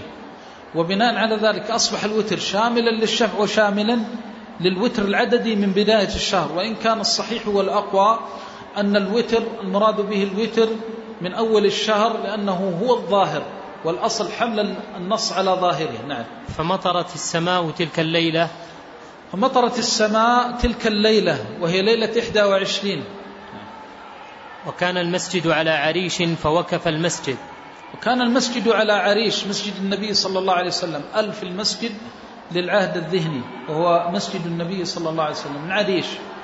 وهذا مسجد النبي صلى الله عليه وسلم لم يكن مزوقا ولا منمقا وإنما كان مسجد النبي صلى الله عليه وسلم على المعتاد ولا غلو فيه ولا مبالغة. وقد أجمع العلماء رحمهم الله على تحريم تزويق المساجد والمبالغة فيها وإحداث الصور والنقوش ونحو ذلك لأن هذا يشغل المصلي وهو خلاف هدي النبي صلى الله عليه وسلم. وكان مسجد النبي صلى الله عليه وسلم منقسما إلى قسمين قسم منه معروش ومسقف بالعريش وهو أوله وآخره غير مسقف. ووكف المسجد أي أنه آه، مع كثرة المطر وكف المسجد فانصب الماء من سطح المسجد على على أرضية المسجد نعم. فبصرت عيناي رسول الله صلى الله عليه وسلم على جبهته أثر الماء والطين من صبح إحدى وعشرين. هذا دليل لمن قال إن ليلة القدر هي ليلة إحدى وعشرين. والمشكلة أن هذه العلامة جاءت في هذا الحديث الصحيح أنها ليلة إحدى وعشرين وأنه عليه الصلاة والسلام سجد على الماء والطين ليلة الثلاث والعشرين صبيحة الثلاثة وعشرين ومن هنا أصبحت هذه العلامة محتملة للوجهين ولذلك من أئمة السلف كالإمام الشافعي رحمه الله ومن أئمة القرون المفضلة كان يقول ليلة 21 وهو آكد في مذهبي أو 23 وذلك المكان التردد في هذه العلامة ما بين الليلتين. ما ليلة 21 أو ليلة 23 نعم. قال رحمه الله باب الحائض ترجل المعتكف. قال رحمه الله حدثنا محمد بن مثنى قال حدثنا يحيى عن هشام قال أخبرني أبي عن عائشة رضي الله عنها قالت كان النبي صلى الله عليه وسلم يصغي إلي رأسه وهو مجاور في المسجد فأرجله وأنا حائض. باب الحائض ترجل المعتكف. رحم الله الإمام البخاري وأئمة الإسلام رحمة واسعة وجزاهم عن الكتاب والسنة والشريعة والملة خير ما جزى عالما عن علمه. الإمام البخاري يقولون فقه البخاري في تراجمه. آه، كان كغيره من العلماء متأدبا مع النص والسنة وكان ينتزع الحكم من الحديث بما يوافقه منطوقا ما بلفظه أو بمعناه. والحائض ترجل المعتكف ترجيل تسريح الشعر وقيل أنه التسريح بدهن. إذا وضع الدهن فيه يقال رجل شعر رأسه وإذا كان بدون دهن يقال مشط شعر رأسه. وفي قولها ترجل فيه دليل على مشروعية ترجيل الرأس. وقد ثبت في الصحيحين من حديث أم المؤمنين عائشة رضي الله عنها أنه من سنة النبي صلى الله عليه وسلم وأنه كان إذا رجل شعره وكان شعره عليه الصلاة والسلام طويلا ويضرب إلى منكبه صلوات الله وسلامه عليه آه، وكان يرجل جانبه الأيمن ثم يرجل جانبه الأيسر. كما في الصحيحين من حديث أم المؤمنين عائشة رضي الله عنها قالت كان رسول الله صلى الله عليه وسلم يعجبه التيمن في تنعله وترجله وطهوره وفي شأنه كله. فهذا هو سنة النبي صلى الله عليه وسلم أن من كان عنده شعر أو كان شعره كثيفا أنه يكرم الشعر بترجيله وتسريحه ولا يجعله ثائرا منتفشا. ولذلك في حديث السنن لما جاء الرجل إلى النبي صلى الله عليه وسلم وقد أهمل شعره أعرض عنه عليه الصلاة والسلام. ثم مضى وأحسنه فأقبل على النبي صلى الله عليه وسلم فأقبل عليه. فهذا هو من السنة عن رسول الله صلى الله عليه وسلم من إكرام الشعر وهو الإكرام الذي لا غلو فيه ولذلك نهى أن يدهن الرجل كل يوم كما ورد في السنة عليه الصلاة والسلام. فالإسلام وسط ما بين الإفراط والتفريط لا يهمل الشعر ولا يبالغ فيه المبالغة أن يبالغ في تسريحه وشراء الأشياء التي تسرحه وترجله الباهظة الثمن والمبالغة في ذلك والاعتناء والتكلف هذا خلاف السنة. وهكذا إذا رب الشعر للفساد وأصبح يعتذر بالسنة هذا كله آه، لا معنى له. إنما المعنى أن يكون متأسيا بالنبي صلى الله عليه وسلم في إكرام الشعر. يرجل شعر رأسه صلوات الله وسلامه ويكرمه يصغي أصغى إذا أمال ولأنه إذا أراد الإنسان أن يستمع للشيء يقال أصغى إليه. ومنه حديث بقتادة في الصحيح أن هرة لما أتت الهرة إليه أصغى لها الإناء أي أمالة. يصغي إلي رأسه أي أنه يميل إليها رأسه. فيخرج رأسه عليه الصلاة والسلام لأنه حجرة أم المؤمنين عائشة رضي الله عنها كان بابها على المسجد. وهي الحجرة التي فيها قبره عليه الصلاة والسلام. فكان بابها على المسجد فيصغي إليها يعطيها رأسه عليه الصلاة والسلام. وفيه دليل على مشروعية خدمة المرأة لزوجها وليس هذا خاصا بالنبي صلى الله عليه وسلم وإنما هو السنن والمعروف. ولذلك خدمت الصحابيات الصحابة رضوان الله عليهم كما في حديث أسماء وحديث فاطمة رضي الله عنها لما طحنت حتى مجلت يداها في حديث ألا لما جاءت تسأل الخادمة من رسول الله صلى الله عليه وسلم كل هذا يدل على أنه من المعروف خدمة المرأة لزوجها وهذا على بالمعروف. وفيه دليل على عنايتها بشأن النبي صلى الله عليه وسلم وفيه دليل على أن المعتكف يباح له. هناك في الاعتكاف ما يسمى بالمحرمات وما يسمى بالمكروهات وما يسمى بالمستحبات والمباحات. فما يسمى بالمستحبات مثل الاشتغال بذكر الله عز وجل وكثرة تلاوة القرآن وعمارة الوقت بالصلاة والطاعة والقربة والمباح أن يرجل شعر رأسه وأن ينظف نفسه فلا حرج عليه. هذا مباح لأن النبي صلى الله عليه وسلم فعل هذا صلوات الله وسلامه عليه. ولأنه إذا اعتنى بتنظيف نفسه لم يؤذي إخوانه المصلين. وقد أمر النبي صلى الله عليه وسلم يوم الجمعة كما في الصحيح بالاغتسال لأن الناس يجتمعون فإذا اجتمعوا تضرر بعضهم من رائحة بعض فدل على أن المساجد ينبغي أن يحرص أن يحرص الإنسان عند شهودها على ألا يصدر منه ما يؤذي إخوانه المصلين كما في الصحيح عنه عليه الصلاة والسلام أنه أكد هذا بقوله من أكل ثوما أو بصلا فلا يقربن مصلانا هذا. نعم. قالت فأرجله وأنا حائض. فأرجله وأنا حائض. فيه دليل على طهارة الحائض. وأنها ليست بنجسة كما كان يعتقده اليهود. كانوا إذا حاضت المرأة فإنهم لا يآكلوها ولا يجالسوها ولا يلمسوها. فبين الله سبحانه وتعالى أن المحرم هو وطء الحائض. وأنزل الله قوله ويسألونك يسألونك عن المحيض قل هو أذى فاعتزلوا النساء في المحيض. فقوله فاعتزلوا النساء في المحيض المحيض اسم مكان الحيض كالمقيل اسم لمكان القيلولة. فدل على أن المحرم هو وطء الحائض. وأما مماستها ومداخلتها ومعاشرتها فلا بأس بذلك ولا حرج.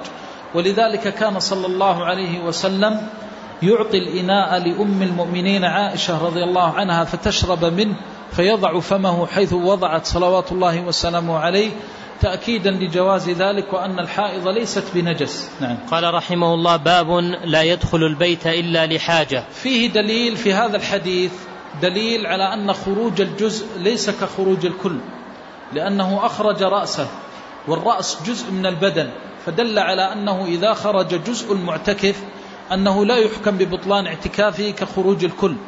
وفيه دليل على أن العبرة بأكثر جسد المعتكف. فإذا كان أكثره داخل المسجد فإنه لا يضر خروج البعض. فلو أخرج يديه ليتناول شيئا من خارج المسجد لم نحكم ببطلان اعتكافه. ولو أخرج رأسه ويديه لم نحكم ببطلان اعتكافه ما لم يكن لأغلب البدن وأكثر البدن لظاهر هذا الحديث. وفيه دليل إذا قلنا إن الجزء لا يأخذ حكم الكل فرع عليه بعض العلماء أنه لو قال والله لا أدخل هذه الدار فأدخل يده أو أدخل رجله فإنه لا يحنث. ولو قال لامرأته إذا دخلت الدار فأنت طالق فأدخلت يدها أو رجلها لم تطلق. وأما لو قال إذا دخلت الدار وأنت طالق وقصده أن يمنع أجزاءها كلها فأدخلت أي جزء طلقت. في قول جمهور العلماء رحمهم الله سواء قصد المنع أو لم يقصده لأنه آه، مرتب على اللفظ بالشرطية. نعم. قال رحمه الله باب لا يدخل البيت إلا لحاجة. قال رحمه الله حدثنا قتيبة قال حدثنا ليث عن ابن شهاب عن عروة وعمرة بن عبد بنت عبد الرحمن أن عائشة رضي الله عنها زوج النبي صلى الله عليه وسلم قالت وإن كان رسول الله صلى الله عليه وسلم ليدخل علي رأسه وهو في المسجد فأرجله وكان لا يدخل البيت إلا لحاجة إذا كان معتكفا. ترجم الإمام البخاري رحمه الله بهذه الترجمة التي تدل على أنه لا يجوز للمعتكف أن يخرج من معتكفه إلا لحاجة. وقد تقدم معنا أن الحاجة مثل البول والغائط وهي حاجة الإنسان أو الحاجة الضرورية كالأكل إذا احتاج أن يأكل ويشرب لأنه لا يستطيع أن يعيش بدون أكل وشراب. وبناء على ذلك أجمع العلماء رحمهم الله على أنه لا يجوز للمعتكف أن يخرج من دون حاجة وأنه إذا خرج من دون حاجة بطل اعتكافه. وتقرير هذه الحاجة وضوابطها محله المطولات لكن من حيث الأصل أن تكون الحاجة متعلقة بالجسد مثل ما ذكرنا. في البول والغائط وقال بعض العلماء إذا مرض ولم تمكن ويمكن مداواته داخل المسجد جاز له أن يخرج إلى خارج المسجد ولا يبطل اعتكافه إذا ترخص بقدر الحاجة كما يجوز له أن يخرج لقضاء البول والغائط. نعم. قال رحمه الله باب غسل المعتكف. قال رحمه الله حدثنا محمد بن يوسف قال حدثنا سفيان عن منصور عن إبراهيم عن الأسود عن عائشة رضي الله عنها قالت كان النبي صلى الله عليه وسلم يباشرني وأنا حائض وكان وكان يخرج رأسه من المسجد وهو معتكف فأغسله وأنا حائض. كان رسول الله صلى الله عليه وسلم يباشرني وأنا حائض. المباشرة هنا أنه كان عليه الصلاة والسلام يستمتع بعائشة بما دون الفرج ويشهد لذلك ما في الصحيح عنه عليه الصلاة والسلام عنها رضي الله عنها أنه كان يأمرها فتتزر قالت رضي الله عنها كان يأمر إحدانا فتتزر فيباشرها وهي حائض. وهذا يدل على أنه يجوز للرجل أن يستمتع من امرأته الحائض إلا الفرج. ويجوز له أن يقبلها وأن يلمسها وأن يستمتع بسائر الجسد شريطة ألا يصيب الفرج. فهذا كله مبني على قوله تعالى فاعتزلوا النساء في المحيض والمراد بالمحيض مكان الحيض والحيض دم يرخيه رحم المرأة لغير فساد ولا ولادة. ومنهم من يقول دم يخرج من قعر الرحم دم يرخيه أي يخرجه. رحم المرأة خرج الدم الذي يخرج من غير الرحم كالدم الذي يخرج من الأنف فيسمى رعاف ونحوه من النزيف وخروج الدم من سائر البدن فهذا لا يسمى حيض. فيشترط أن يخرج من الموضع المخصوص وهو الفرج وخروجه من قعر رحم المرأة فخرج الاستحاضة فقولهم من قعر رحم المرأة في التعريف الثاني أرادوا به إخراج دم الاستحاضة لأنه يخرج من أعلى الرحم ودم الاستحاضة يخرج من العرق قيل اسمه العاذر وقيل العاند وقيل العاذل العاذل لأنه يوجب عذر المرأة والعاذل لأنه يوجب عذلها ولومها والعاند لأنه لم ينقطع وربما يستمر حتى استمر مع بعض النساء في زمان النبي صلى الله عليه وسلم خمس سنين. وهذا العرق في أعلى الرحم لقول عليه الصلاة والسلام إنما ذلك عرق للمستحاضة. فدم الحيض يخرج من قعر الرحم لغير فساد الذي هو دم الاستحاضة وهو دم المرض ولا نفاس أو ولادة. فخرج دم الولادة لأنه يخرج بسبب الولد. وأما دم الحيض فإنه يخرج بغير سبب الولد لما ذكرناه. نعم. قال قالت وكان يخرج رأسه من المسجد وهو معتكف فأغسله وأنا حائض. قال رحمه الله باب الاعتكاف ليلا قال رحمه الله حدثنا مسدد. قال حدثنا يحيى بن سعيد عن عبيد الله. قال أخبرني نافع عن ابن عمر رضي الله عنهما أن عمر سأل رسول الله صلى الله عليه وسلم قال كنت نذرت في الجاهلية أن أعتكف ليلة في المسجد الحرام. قال صلى الله عليه وسلم فأوف بنذرك. ترجم الإمام البخاري بهذه الترجمة التي تتعلق بالاعتكاف بالليل. وقوله الاعتكاف بالليل يدل على أنه لا يشترط في صحة الاعتكاف الصوم. لأنه إذا صح في الليل فمعناه أنه يكون بدون صوم. وهذا هو أصح قولي العلماء رحمهم الله. وحديث عمر رضي الله عنه أنه نذر أن يعتكف ليلة. وهذا فيه دليل على مسائل المسألة الأولى مشروعية النذر وقد دل عليها دليل الكتاب والسنة والإجماع أن النذر مشروع ويجب الوفاء به إذا كان نذر طاعة ولا يجوز الوفاء به إذا كان نذر معصية. لقوله عليه الصلاة والسلام من نذر أن يطيع الله فليطعه ومن نذر أن يعصي الله فلا يعصي المسألة الثانية فيه دليل على مشروعية نذر الاعتكاف. ولذلك قال العلماء الاعتكاف سنة ويجب بالنذر الباء سببية أي يجب بسبب النذر. فيجب الاعتكاف على الإنسان إذا أوجبه على نفسه بالنذر. وقوله آه، فيها أيضا في قول أن اعتكف ليلة. إني نذرت في الجاهلية من الجهل. والجاهلية الفترة التي قبل بعثة النبي صلى الله عليه وسلم وما بين بعثة إبراهيم الخليل وبين بعثة إبراهيم ما بين بعثة موسى عليه السلام عيسى عليه السلام والنبي صلى الله عليه وسلم فترة والفترة من الفتور وهو الضعف وفترة الرسل يكاد انقطاع الرسالة. وهذه هذه المدة يسمى أهلها بأهل الفترة. ويسمون بأهل الجاهلية. وكانت هناك بقايا من دين الخليل عليه السلام.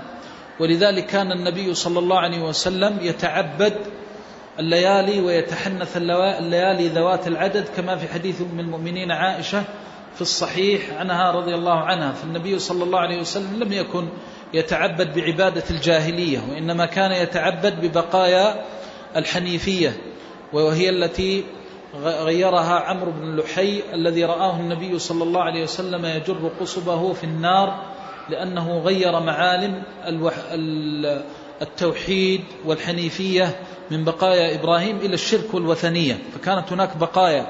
وكان عمرو بن نفيل يتعبد بالبقايا وزيد بن عمرو بن نفيل وزيد بن عمرو بن العاص ونحوهم ممن كانوا يتعبدون ببقايا الحنيفية. فلما نذر النذر من الأمور المشروعة. ولذلك أمر بالوفاء به. وفيه دليل على أن من كان على غير الإسلام وقد نذر نذرا ثم بقي واستصحب النذر إلى إسلامه أنه يجب عليه الوفاء. وأخذ العلماء من هذا دليل على وجوب الوفاء بنذر الجاهلية.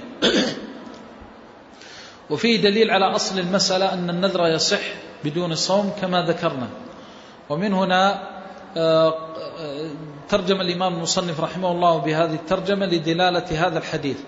وفيه دليل على مشروعية الاعتكاف في المسجد الحرام وهذا مجمع عليه بين العلماء رحمهم الله. وإذا نذر أن يعتكف في المسجد الحرام اختص بنفس المسجد لأن المراد به نفس المسجد وحينئذ يلزم الوفاء بالمسجد نفسه. وأما كون المسجد الحرام يشمل في الفضل غير المسجد فهذا أمر خارج عن مسالتنا. وبعض العلماء يقول يصح في مكة كلها لأن الله تعالى سمى مكة كلها المسجد الحرام فقال سبحانه ولا تقاتلوهم عند المسجد الحرام. وأل هنا للعهد وليست فهنا يقوى قول من قال إنه يختص بنفس المسجد. نعم. قال رحمه الله باب اعتكاف وفيه النساء. دليل على مشروعية الاعتكاف في سائر السنة. ووجه ذلك أن النبي صلى الله عليه وسلم لم يسأل هل هي من رمضان أو غير رمضان؟ وهل هي من العشر الأواخر؟ فلو كان الاعتكاف مخصوصا بالعشر الأواخر لخص النبي صلى الله عليه وسلم الوفاء بالنذر. لو كان لا يجوز الاعتكاف في غير العشر الأواخر لما أجاز له النبي صلى الله عليه وسلم أن يعتكف أي ليلة. والدليل على ذلك أنه قال من نذر أن يطيع الله فليطيعه من نذر أن يعصي الله فلا يعصيه. فلو كان الاعتكاف لا يجوز في غير العشر لا استفصل منه النبي صلى الله عليه وسلم. وبين له خصوص الاعتكاف بالعشر. نعم. قال رحمه الله باب اعتكاف النساء. قال رحمه الله حدثنا أبو النعمان قال حدثنا حماد بن زيد قال حدثنا يحيى عن عمرة عن عائشة رضي الله عنها قالت كان النبي صلى الله عليه وسلم يعتكف في العشر الأواخر من رمضان فكنت أضرب له خباء فيصلي الصبح. كان رسول الله صلى الله عليه وسلم يعتكف العشر الأواخر من رمضان تقدم معنا معناه وكنت أضرب له خباء آه، اختبى إذا توارى والخباء يحفظ من دونه فيتوارى فيه عن الأنظار. ففيه دليل على مسائل المسألة الأولى مشروعية خدمة المرأة لزوجها وثانيا أن أفضل ما تكون هذه الخدمة إذا كانت على طاعة الله وقد أعانته هنا على طاعة الله وفيه دليل على أنه إذا كان الزوج مشغولا بمصالح الناس أو بالمصالح العامة أنه يعان على ذلك بالمعروف فأم المؤمنين أعانت رسول الله صلى الله عليه وسلم. فإذا كان الزوج داعية أو عالما أو معلما للقرآن أو خطيبا في المسجد أو نحو ذلك أو ممن يساعد الفقراء والضعفاء فيشتغل بمصالح المسلمين ويحتاج إلى من يعينه فخدمته شرف خاصة إذا قصد من يخدمه وجه الله. ولم يقصد بصحبته الرياء والسمعة وإنما قصد التقرب لله سبحانه وتعالى بهذه الخدمة. فإذا أمنت الفتنة في الخادم والمخدوم المخدوم لا يغتر وأن لا يفعل ذلك احتقارا وازدراء لأبناء المسلمين ونحو ذلك من المقاصد غير المشروعة. فهذا يشرع في حقه إذا كان محافظا وبالضوابط الشرعية يشرع خدمته. كما خدم الصحابة رضوان الله عليهم رسول الله صلى الله عليه وسلم وخدم التابعون أئمة الصحابة رضي الله عنهم. فالخدمة مشروعة وفيه دليل على مشروعية الخباء في المسجد. وفيه دليل لكن هذا إذا توسع فيه فإنه يلحق الضرر ولربما صارت فتنة. وكنا نذكر في مسجد النبي صلى الله عليه وسلم كان المعتكفون في أواخر الحرم القديم السعودي الأبيض في أواخره لقلة الناس. كان الناس إذا ادحموا في يوم الجمعة يبلغون إلى آخر الحرم الأحمر العثماني والباقي كله فاضي ما كان الناس بهذه الكثرة. فكانوا يضعون الأخبية في أواخر المسجد فكنا نراهم وكانت تعين أكثر. فإذا كان النبي صلى الله عليه وسلم وهو أكمل الأمة خشوعا وأكملهم حضورا مع ذلك يأخذ بالأسباب التي تعين على الخشوع. من بناء القبة التركية كما ورد في حديث السنن وبناء الخباء كما في حديث عائشة هنا في الصحيح يدل على أنه يشرع وضع الخباء في المسجد لكن إذا وجدت مصلحة بكف الناس ومنعهم حتى لا يختصموا وتحدث الفتنة ويحدث الشجار وهذا خاصة في تساهل العوام فتحصل المفاسد التي هي أكثر ويحصل الضرر فهذا أمر آخر يرجع لمن ولي الأمر له الحق. أن يمنع الناس إذا وجدت الفتنة من الأمور المستحبة والمسنونة لأن خوف الفتنة أعظم ومراعاة سد المفسدة الفتنة أوجب وآكد. ولذلك الأصل أن المعتكف ينظر إلى مكان يختلي فيه عن الناس ويختلي فيه العبادة وفيه دليل على أن الاعتكاف يحتاج من صاحبه إلى أن يستجمع نفسه ويأخذ بجميع الأسباب التي تقطعه عن الناس دون غلو. فالنبي صلى الله عليه وسلم ضرب القبة من أجل أن يتفرغ في صلاته وقبل من أم المؤمنين رضي الله عنها صفية أن تزوره وجلس معها وقام يقلبها فدل على الوسطية أنه ينقطع في حال العبادة وأنه يأخذ بالأسباب التي تعين على حضور القلب أثناء العبادة. ومن ذلك أن يعتكف في موضع بعيد عن أن يراه الناس لأنه أخلص لله عز وجل وأبعد عن التشويش لأن مرور الناس ورؤية الناس ورؤية الغير تشوش. ففي الصحيح عنه عليه الصلاة والسلام أنه قال لعائشة أميطي عنا قرامك هذا فإنه ما زالت تعرض علي تصاويره حتى ألهتني عن صلاتي. فإذا كان هذا وهو نبي الأمة صلوات الله وسلامه عليه فكيف بغيره؟ فإذا كان الإنسان معتكفا في مسجد الحي وبنى له آه، قبة آه، يعني من القماش ونحو ذلك أو وضع قماش ساترا بينه وبين الناس يعتزل فيه للصلاة ونحو فهذا من السنة. وهو هدي النبي صلى الله عليه وسلم وفيه دليل على مشروعية الأخذ بالأسباب التي تعين على حضور القلب والخشوع. قالوا ومن ذلك أن يصلي في ثوب ليس له أعلام أي ليس له نقوش. وأن يصلي على سجاد أو على موضع ليس فيه نقوش لأن النقوش تشغل وتلهيه. فهذا استحبوه لأنه يعين على حضور القلب أكثر.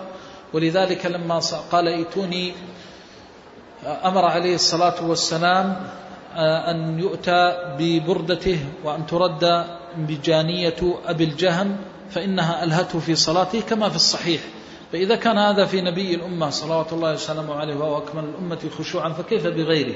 فالشاهد من هذا أنها ضربت له الخباء آه، من أجل أن يستجمع نفسه ويكون ذلك أبلغ في حضور القلب والاشتغال بالعبادة على تم الوجوه وأكملها. نعم. فيصلي الصبح ثم يدخله.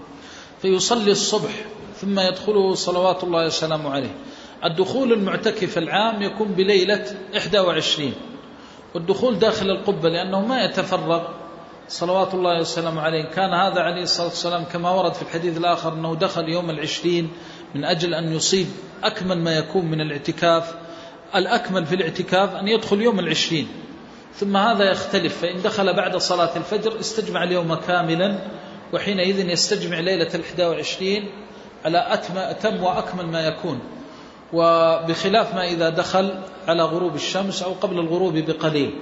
وأيا ما كان فإن المعتكف الواجب عليه إذا نذر العشر الأواخر أو نوى العشر الأواخر أن يدخل قبل مغيب الشمس من يوم العشرين ولا يصح أن يدخل بعد الفجر من ليلة الإحدى وعشرين لأنه فاتته الليلة. فليس مرادها أنه دخل عليه الصلاة والسلام المعتكف أنه دخل المسجد وابتدأ اعتكافه من صبيحة 21 هذا ليس بمراد وإنما المراد التمام والكمال في استتمام الإحدى والعشرين وهذا يكون بإمساك جزء من يوم العشرين. فإذا أراد أن يزيد بأن يدخل من فجر يوم العشرين وهذا له معنى. ذكر بعض العلماء أن التهيؤ للعبادة قبل دخولها أقوى وأقدر للإنسان على استجمامه على أكمل الوجوه. فالإنسان لو دخل بعد مغيب الشمس يحتاج إلى وقت حتى تخشع نفسه لأنه حديث العهد بشواغل الدنيا. لكن إذا دخل من فجر العشرين فإن هذا أبلغ في حضور قلبه فلا يبدأ ولا تبدأ ليلة الإحدى وعشرين إلا وهو أكثر حضورا للقلب وأكثر استجماما. نعم. فاستأذنت حفصة عائشة أن تضرب خباء فأذنت لها فضربت خباء فلما فلما رأته زينب ابنة جحش رضي الله عنها ضربت خباء آخر فلما أصبح النبي صلى الله عليه وسلم رأى الأخبية فقال ما هذا؟ فأخبر فقال النبي صلى الله عليه وسلم آه البر ترون بهن؟ فترك الاعتكاف ذلك الشهر ثم اعتكف عشرا من شوال. هذا الذي وقع من أمهات المؤمنين ظاهره التنافس بينهن. وهذا التنافس لوجود الاشتراك في الزوجية ظاهره الغيرة ولذلك أخذ بالظاهر والحاكم والوالي له أن يأخذ بالظاهر ظواهر الناس لأنه لو كان بالطبيعة والسجية لوقع منهن مباشرة من الجميع لكن لما ضربت هذه قامت هذه وضربت ثم جاءت الثانية الثالثة وضربت ثم جاءت الرابعة وضربت هذا يسمى الظاهر. في الشريعة ما يسمى بالظاهر وفيها ما يسمى بالأصل. والظاهر ما يظهر من الحال. فالإنسان إذا كان من ظاهر حاله يدل على شيء أخذ به وذلك الحكم للظاهر. قال صلى الله عليه وسلم كما في الصحيح أمرت أن آخذ بظواهر الناس وأن أكل سرائرهم إلى الله. فالظاهر أنه إذا وقع الفعل من أشخاص مشتركين في صفة وغلب على الظن أنه على سبيل التنافس حمل على الظاهر. إن كان دينيا فديني وإن كان دنيويا فدنيوي. فإذا تنافس طلبة العلم وهم مشتركون في طلب العلم وكان التنافس هذا مأذونا به شرعا فتسابقوا إلى مجلس العلم. وكان المراد أن يسبقوا إلى ضبط العلم وإلى إتقانه وتسابقوا إلى سؤال العالم والاستفادة منه. هذا مشروع لأن الله يقول وفي ذلك فليتنافس المتنافسون. ولو خرج المصلون فتسابقوا إلى المسجد دون أن يسرعوا الإسراع المحظور وتسابقوا إلى الصفوف الأول فهذا مشروع وليس من باب الغيرة. لكن حينما يأتي على صورة يفهم منها أنه من باب الغيرة وأنه وقع لمكان الغيرة وأنه قد يكون للشيطان فيه دخل يؤخذ بهذا الظاهر. لأن أمهات المؤمنين كانت تقع بينهن الغيرة شأنهن شأن الأزواج فهن بشر ولذلك يعتريهن ما يعتري البشر.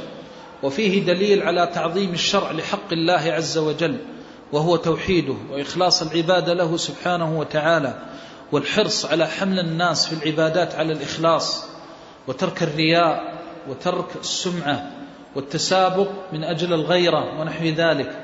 فهذا أمره عظيم خاصة في العبادات. ومن هنا امتنع النبي صلى الله عليه وسلم من الاعتكاف زجرا لهن وتعظيما لحق الله سبحانه وتعالى فليس هناك حق أعظم من حق الله جل جلاله. وليس هناك حق ينبغي أن يرعى ويصان وأن يحفظ من العالم ومن طالب العلم ومن العامة مثل حق الله سبحانه وتعالى. فالشيء الذي يؤثر في النيات ولذلك شدد أهل العلم وعرف باستقراء نصوص الكتاب والسنة أن العلماء وطلبة العلم ونحوهم ممن ينصح كالخطباء وأئمة المساجد عليهم أن يعتنوا دائما بتذكير الناس بالإخلاص وترك الرياء وترك السمعة والتنافس من أجل الأغراض الدنيوية والمصالح الشخصية. فهذا من أبلغ ما ينبغي من أوجب ما ينبغي العناية به لأنه حق لله سبحانه وتعالى وهذا يؤثر في العبادات يوجب فسادها وعدم قبولها. فلو أن العبد بات ليلته قائما وأصبح نهاره صائما منافسا لأخا لأخيه لا لغرض شرعي ولا لقص القربة لله عز وجل حبط عمله وكان من الخاسرين. وهكذا في طلب العلم إذا قصد أن يسبق فلان وأن ينافس فلان ولذلك كرهت المسابقات في طلب العلم. وأدركنا من مشائخنا من يشدد فيها لأنها تفسد النيات وتؤثر في النيات. وإذا كانت هناك مصلحة فالمفسدة فيها أعظم. فإذا أفضت إلى إغار الصدور وكراهية طلبة العلم بعضهم لبعض وكراهية الحفاظ بعضهم لبعض. فلا بارك الله في شيء ينتهي بالناس إلى مثل هذا لأنها إذا كانت على هذا الوجه تحمل وعرف بالاستقراء أنها تجعل الإنسان يجلس طيلة العام كله لا يقرأ من القرآن شيئا يراجعه ولا ينظر في المصحف شيئا يراجعه إلا إذا جاءت مسابقة القرآن فوجدته يحفظ ويراجع ويضبط. وتجده لا يعتني بتحسين صوته ولا تنميقه ولكن إذا نافس فلانا وعلانا نمق صوته وحبر صوته ويل لهؤلاء ثم ويل لهؤلاء ثم ويل لهؤلاء من رب الأرض والسماء. إذا بعثر ما في القبور وحصل ما في الصدور لم تنزل آيات الله ولم يوحى شرع الله من أجل أن يتنافس على سبيل الغيرة وعلى سبيل الدنيا وإنما من أجل طاعة الله ومحبة الله ومرضاة الله عز وجل. قال صلى الله عليه وسلم سيروا هذا جمدان سبق المفردون. قالوا وما المفردون يا رسول الله؟ قال الذاكرون الله كثيرا والذاكرات. ما قال سبق الذي سبق جمله أو سبق بعيره. لما رآهم يتنافسون جمدان جبل بحذاء خليس وهو على طريق مكة. فلما يأتوا في الجبال ويأتوا في المواضع العالية يمزح الصحابة بعضهم مع بعض فتتسابق إبلهم وتتسابق الرواحل والركائب.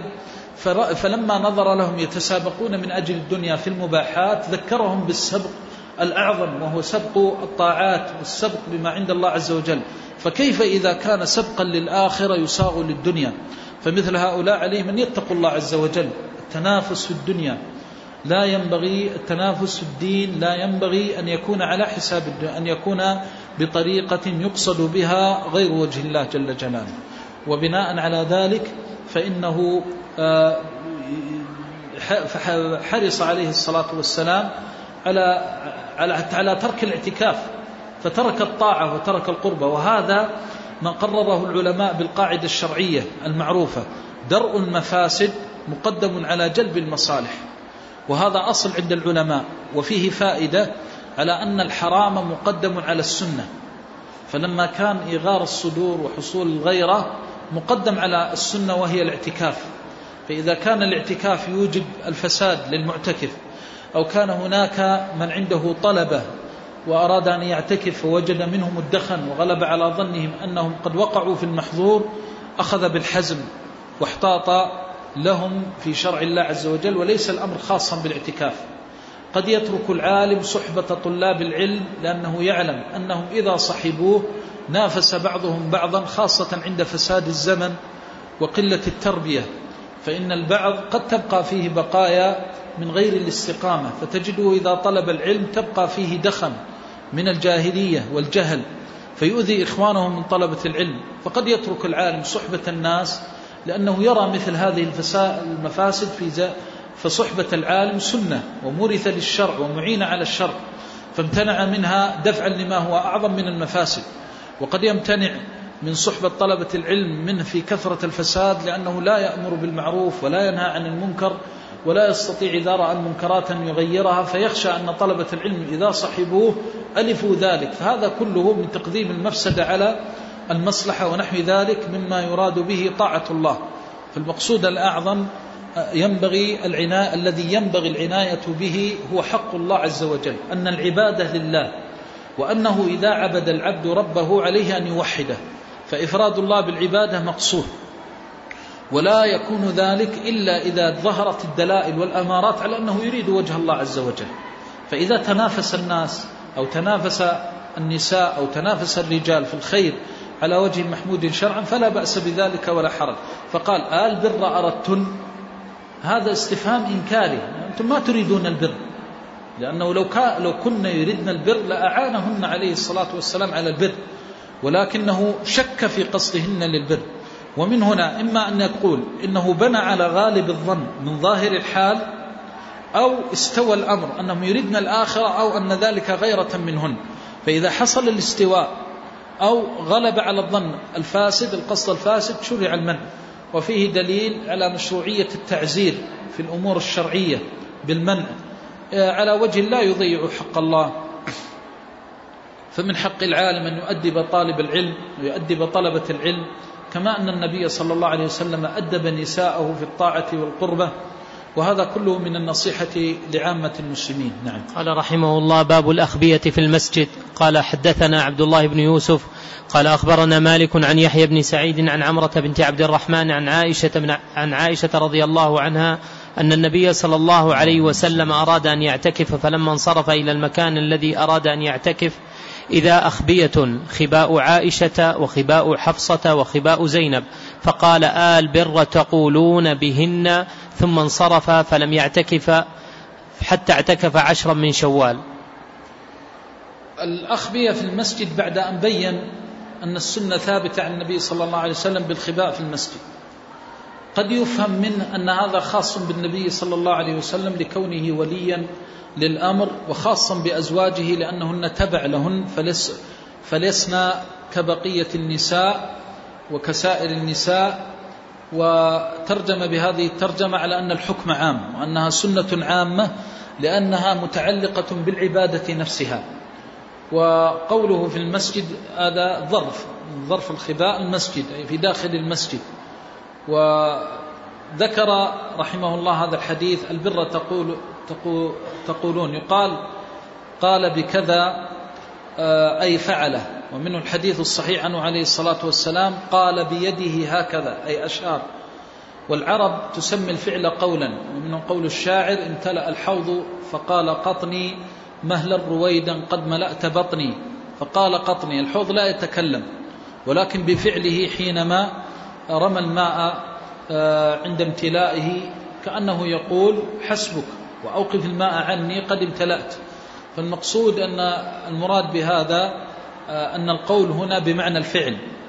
وفيه دليل على مشروعية الخباء في داخل المسجد وأنه ليس خاصا بالنبي صلى الله عليه وسلم وأزواجه. نعم. قال رحمه الله باب هل يخرج المعتكف لحوائجه إلى باب المسجد قال حدثنا أبو اليمان قال أخبرنا شعيب عن الزهري قال أخبرني علي بن الحسين رضي الله عنهما أن صفية زوج النبي صلى الله عليه وسلم أخبرته أنها جاءت رسول الله صلى الله عليه وسلم تزوره في اعتكافه في المسجد. علي بن الحسين رحمه الله. علي بن الحسين رحمه الله. تابع. عن علي بن الحسين. إيه، نعم. عن عن صفية؟ أن صفية. أن صفية. اقرأ حديث. أن صفية زوج النبي صلى الله عليه وسلم أخبرته أنها جاءت رسول الله صلى الله عليه وسلم تزوره الباب. باب باب, باب هل يخرج المعتكف لحوائجه إلى باب المسجد؟ هل يخرج المعتكف لحوائجه إلى باب المسجد؟ المراد هنا الخروج من الخباء. وليس الخروج من المسجد.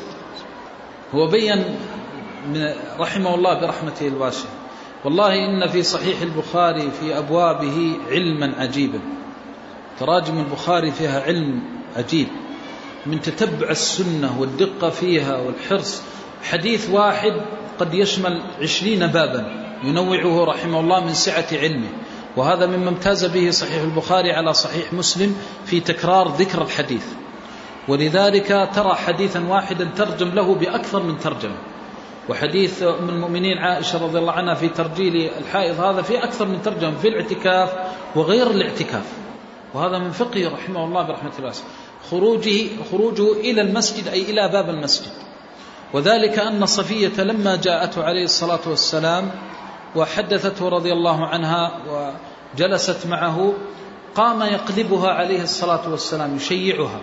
وفيه دليل على مشروعية تشييع الضيف وفيه دليل على كرم خلق النبي صلى الله عليه وسلم عموما وكرم خلقه صلى الله عليه وسلم خصوصا مع أزواجه لأنه لم يكن يتصرف معهن بالتعالي أن المرأة ما ينظر إليها نظرة احتقار وازدراء هي جاءت إليه. انظر من كرمه كان عليه الصلاة والسلام لا يكرم بشيء إلا رده بأكثر منه فخرج صلى الله عليه وسلم معها من قبته إلى باب المسجد. وكان بالإمكان أن يتركها تذهب. وفيها أيضا معنى آه، لطيف وهو حرص الزوج على أن يكون قريبا من زوجته خاصة في حال خروجها من بيتها. وأنه مع أنه في داخل المسجد كان معها عليه الصلاة والسلام. خلاف من يقول أن أهل النفوس الضعيفة لماذا تشك في الناس ولماذا تسيء الظن في زوجتك؟ اتركها تذهب وحدها. انظر إلى رسول الله صلى الله عليه وسلم داخل المسجد.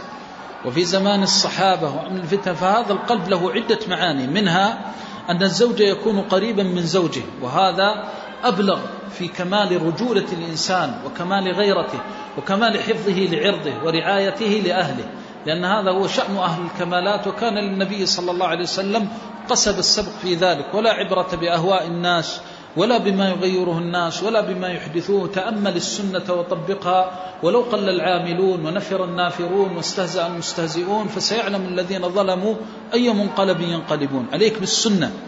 فأن تذهب مع امرأتك وتشيعها في المرأة تحس بمعنى عظيم حينما تخرج ويخرج معها زوجها إلى خارج المسجد أو إلى مصالحها في خارج المسجد.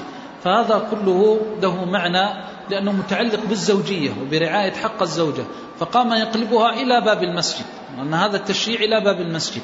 فدل على أن انقطع عليه الصلاة والسلام عن اعتكافه وخرج مع أهله وهذا يدل على أن على مسألة وهي أنه يباح للمعتكف أن يتكلم ويباح له أن يتحدث لكن بالمباحات وأنه لا حرج عليه في ذلك. وفيه دليل على أنه إذا كان المعتكف يجلس مع أهله فيحدثهن بالأمور المباحة فمن باب أولى أن يجوز له أن يجلس في حلق العلم وأن يسمع العلم. وهذا مذهب جمهور العلماء رحمهم الله خلافا للإمام مالك الذي كره اشتغاله بطلب العلم. وأيما كان الإمام مالك لا يضيق تضييقا كاملا وإنما هو بقدر. لكن من حيث السنة فالسنة دالة على أن هذا لا يؤثر في الاعتكاف لأنه إذا خرج مع زوجه لهذا الأمر المباح فمن باب أولى إذا كان لطلب العلم ونحو ذلك فلا حرج عليه ولا بأس. نعم. فقام النبي صلى الله عليه وسلم معها يقلبها. فقام النبي صلى الله عليه وسلم معها يقلبها إلى الله المشتكى. المشرفين بداخل الحرم يؤذون حتى المعتكفين بهذا التشويش. انظروا إلى أصوات النساء وهن مشرفات. مصيبة هذه. تنهى عن شيء وتقع في أشنع منه. ما أدري هؤلاء ينبغي أن يردعوا ويمنعوا. هذا ما يجوز هذا. النساء يصحن بهذا الشكل. حتى ولو كان أمر بالمعروف ونهي عن المنكر. ما ينبغي هذا. فتحدثت عنده ساعة ثم قامت تنقلب فقام النبي صلى الله عليه وسلم عند عنده أي عند النبي صلى الله عليه وسلم ساعة. أي مدة من الزمان. وليس الساعة التي هي جزء من 24 جزءا من النهار. فيه دليل كما ذكرنا على مشروعية حديث الرجل بالأمور المباحة وهو معتكف. وفيه دليل على مشروعية زيارة المرأة لزوجها داخل الاعتكاف.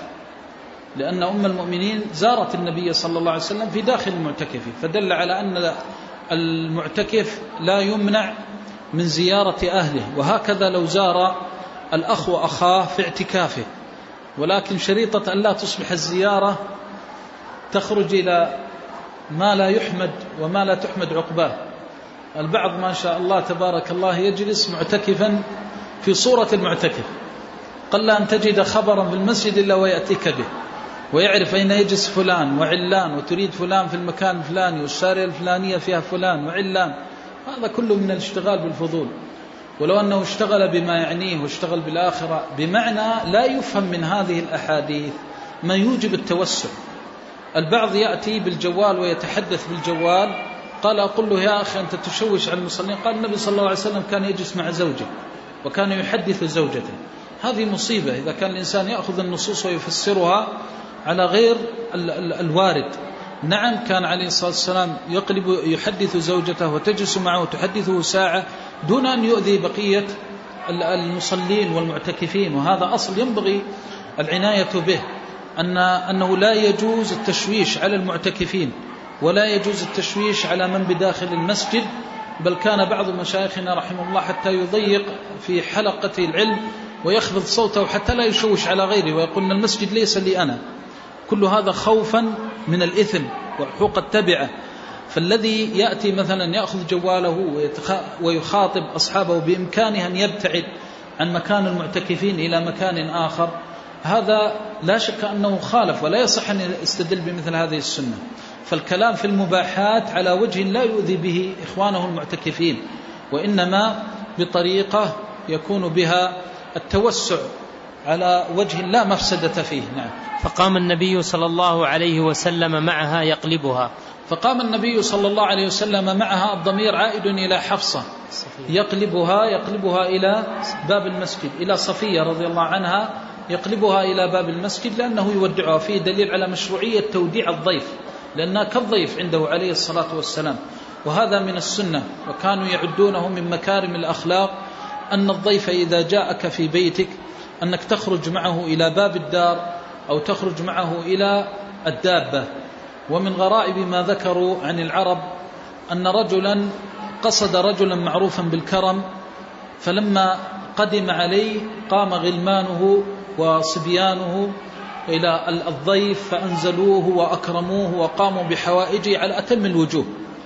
فلما جاء ينصرف ما قام معه إلا الذي يحمل متاعه ولم يعتنوا به تلك العناية. وودعه الرجل وشيع حتى بلغ دابته. فقال له الضيف إني رأيت أمرا عجبا وإني سائلك وأنشدك الله إلا صدقتني. قال وما ذاك قال إني أقبلت عليك فأكرمني خدمك وحشمك. ولما أردت أن أخرج لم أجد ما وجدته وأنا مقبل عليك. قال لأن نستقبل الضيف ولا نودعه. قال لما؟ رحمك الله. قال لأنهم إذا فعلوا ذلك كأنهم فرحون بمغادرتك. يعني كانوا يريدونك أن تفارق. هم لا يريدون أن يشعروك بذلك. يريدونك أن تجلس إلى أقصى حد. ولو كان بيدهم أنت الذي تحمل متاعك لتركوك تحمله معك فهذا كله يدل من الكرم أنهم كانوا يريدون يريدوا أرادوا أن يظهروا له أنهم يحبون جلوسه. الضيف يكرم. وفي حديث رسول الله صلى الله عليه وسلم من كان يؤمن بالله واليوم الآخر فليكرم ضيفه. وأدركنا أهل العلم والفضل مع علو درجتهم وقدرهم. يخرج الرجل منهم مع الضيف ويكرمه وبعضهم يبلغ إلى سيارته ولا ينظر إلى مكانه. وهذا من أبلغ ما يكون في الكرم. وللناس في ذلك عوائد وزوائد فنسأل الله أن يبلغنا في ذلك ما يرضيه. نعم. حتى إذا بلغت باب المسجد عند باب أم سلمة مر رجلان من الأنصار فسلما على رسول الله صلى الله عليه وسلم. مر رجلان من الأنصار هذا من الإبهام الذي لا يضر لأن معرفة الرجلين وعدم معرفتهما لا يؤثر لا في أحكام ليس لا يترتب على ذلك حكم شرعي وليس له تأثير في أحكام الحديث. نعم. فسلم على رسول الله صلى الله عليه وسلم فقال لهما النبي صلى الله عليه وسلم على رسلكما إنها صفية. فسلم على رسول الله صلى الله عليه وسلم فيه دليل على مشروعية السلام على الرجل مع أهله وأنه لا بأس ولا حرج إذا كان الرجل معه أهله أو قراء أو نساؤه أنه يسلم عليهن وأن هذا ليس فيه محظور. بخلاف ما يعتقد البعض أنه إذا رأى مع الرجل أهله وكذا ابتعد عنه ولا يسلم عليه. فقد سلم على النبي صلى الله عليه وسلم مع كونه في صحبة أهله. نعم. على رسلكما إنما هي صفية بنت حيي. فقال ترسل ترسل إذا تمهل. ولذلك إذا أذن المؤذن يترسل في أذانه بمعنى أنه لا يستعجل في ألفاظ الأذان. على رسلك أي على مهلك. وترسل قال على رسلكما من النبي صلى الله عليه وسلم أي أنه عليه الصلاة والسلام أراد أن يبين لهما أي لا تعجل لأنهما لما رأيا معه المرأة أسرعا فلما أسرع الخطى قال عليه الصلاة والسلام على رسلكما إنها صفية. فهذا منه عليه الصلاة والسلام دفعا لدابر الشيطان وقطعا لدابر الشيطان فيما يقذفه في النفوس لأن الشيطان يجري من ابن آدم مجرى الدم كما في الصحيح وكما في بعض روايات الحديث قال خشيت أن يقذف في قلوبكما شيئا. وهذا يدل على أنه على مسائل منها أن الإنسان إذا خشي من أخيه المسلم أن يظن به ظن السوء بين وكشف له حقيقة الأمر وأنه ينبغي للإنسان في حال الريبة أن يعتني بالأكمل والأفضل لأنه يصون أخاه من الوقوع في المحظور. وقد قال صلى الله عليه وسلم انصر أخاك ظالما أو مظلوما. قال أنصره إذا قالوا يا رسول الله أنصره إذا كان مظلوما. فكيف أنصره إذا كان ظالما؟ قال تحجزه أو تمنعه عن الظلم. فأنت حينما تفسر للشخص حقيقة الأمر المحتمل للريبة فأنت تمنعه من سوء الريبة فأنت تمنعه من الإثم. فهذا من نصرتك لأخيك لأنك تنصره على الشيطان. وكما يقع النصر على شياطين الإنس على شياطين الجن يقع على شياطين الإنس أيضا. وكما يقع على شياطين الإنس كذلك يقع على شياطين الجن. فهذا من العناية من النبي صلى الله عليه وسلم بذلك. نعم. فقال سبحان الله يا رسول الله وكبر عليهما. فقال النبي صلى الله عليه قال سبحان الله تعجب. وأراد بذلك أن يبين يا رسول الله أنه ليس في قلبنا شيء على عليك ولا نسيء الظن بك صلوات الله وسلامه. لكنه عليه الصلاة والسلام يفعل الفعل ويشرع للأمة. وهذا يدل على أنه إذا وقع في حقه عليه الصلاة والسلام فمن باب أولى غيره. نعم. فقال النبي صلى الله عليه وسلم إن الشيطان يبلغ من الإنسان مبلغ الدم وإني خشيت أن يقذف في قلوبكما شيئا. بين النبي صلى الله عليه وسلم السبب والعلة في كون عليه الصلاة والسلام يبين لهما أنه عليه الصلاة والسلام آه، أخبرهما أنها صفية. هذا المشكلة الآن أكثر من درس ونحن نعاني من هذه المرأة أصلحها الله. وهي امرأة ابتليت بهذا الصوت الجهوري. والله أنا أراه منكر عظيم في مسجد النبي صلى الله عليه وسلم. واعذروني يا إخوان ما أستطيع أن هذا أصلا هو رفع الصوت بهذا ما يجوز. هذه مصيبة هذه أكثر من مجلس ونحن نعاني من هذا والآن في رمضان مثل ما تشاهدون. كيف المعتكفون لو كانوا هنا؟ هذه مصيبة والله. وأرجو من المسلمين أنهم يعتنون بهذا الشيء. هذه امرأة هذه؟ هذه مصيبة. هذا أمر بالمعروف ونهي عن المنكر؟ الله المستعان اقرأ. اقرأ. فقال النبي صلى الله عليه وسلم أكثر من امرأة جاءتني تشتكي. حتى في حال زيارتهن وكذا تشويش. لا يجوز هذا. لا يجوز. نحن نقول للناس ولا نقول بالأم نعرف أن المسلمين أنهم لا يقصرون. نحسبهم ولا نزكيهم على الله. لكنه كما وقع هذا أمام الناس ينبغي أن ننكره أمام الناس. أن هذا لا يجوز. أمام الناس أن يفعل هذا الفعل. أن مثل هذا ليس تعليم للناس ولا توجيه وليس بهذا الطريق. لو فعله رجل لكان منكرا. والصياح واللغط يقول لا ترفعوا أصواتكم فوق صوت النبي. عمر رضي الله عنه رضي, رضي الله عنه أراد أن يؤدب رجلين من الطائف حينما رفع أصواتهما في المسجد. قال لو أعلم أنكما من المدينة لأوجعتكما ضربا. هذا في الرجال. كيف بامرأة؟ هذا ليس بأمر معروف ولا نهي عن منكر. هذا بذاته منكر. مرأة تنصح وتوجه وتوجه بالتي هي أحسن وخافضة لصوتها ومراعية للحرمة هذا ما بطريقة لأن أكثر من من كذا درس. قرابة عشرة دروس. إما أن تلقي محاضرة إما واشتكى أكثر من امرأة جاءتني والله تشتكي وبعض القرابة بلغهم كثير من القرابة يخبرون من هذه المرأة خاصة. هذا ابتلاء. حسبنا الله ونعم الوكيل. نعم. قال النبي صلى الله عليه وسلم إن الشيطان يبلغ من الإنسان مبلغ الدم وإني خشيت أن يقذف في قلوبكما شيئا. هذا من علم الغيب أن أمور الشيطان أمور خفية لا يعلمها النبي صلى الله عليه وسلم إلا إذا أطلعه الله عليها. فأطلعه الله عز وجل على ذلك وأن الشيطان يقذف في قلب الإنسان. وفيه دليل على أنه ينبغي إذا حصل الأمر المحتمل أن يفسر لمن يرى ويسمع. نعم. قال رحمه الله باب الاعتكاف وخرج النبي صلى الله عليه وسلم صبيحة عشرين. باب. الاعتكاف. وخرج النبي صلى الله عليه وسلم صبيحة عشرين. قال رحمه الله حدثني عبد الله بن سيرين بن مني قال حدثني عبد الله بن منير قال سمع هارون بن إسماعيل قال حدثنا علي بن المبارك قال حدثني يحيى بن أبي كثير قال سمعت أبا سلمة بن عبد الرحمن قال سألت أبا سعيد الخدري رضي الله عنه قلت هل سمعت رسول الله صلى الله عليه وسلم يذكر ليلة القدر؟ قال نعم اعتكفنا مع رسول الله صلى الله عليه وسلم العشر الأوسط من رمضان قال فخرجنا صبيحة عشرين. نعم. قال فخطبنا النبي رسول الله صلى الله عليه وسلم صبيحة عشرين, عشرين فقال إني أريت ليلة القدر وإني نسيتها فالتمسوها في العشر الأواخر في وتر فإني رأيت أني أسجد في ماء وطين ومن كان نعم. إيه. ومن كان اعتكف مع رسول الله صلى الله عليه وسلم فليرجع فرجع الناس إلى المسجد وما نرى في السماء قزعة. وقال فجاءت سحابة فمطرت وأقيمت الصلاة في فسجد رسول الله صلى الله عليه وسلم في الطين والماء حتى رأيت الطين في أرنبته وجبهته. انتهى. انتهى. هذا الباب قصد المصنف رحمه الله أن يبين فيه نهاية الاعتكاف وأن الاعتكاف ينتهي بآخر يوم من أيامه. فلو نذر أن يعتكف العشر الأواخر لا يجوز له أن يخرج إلا بعد مغيب شمس يوم الثلاثين كما ذكرنا.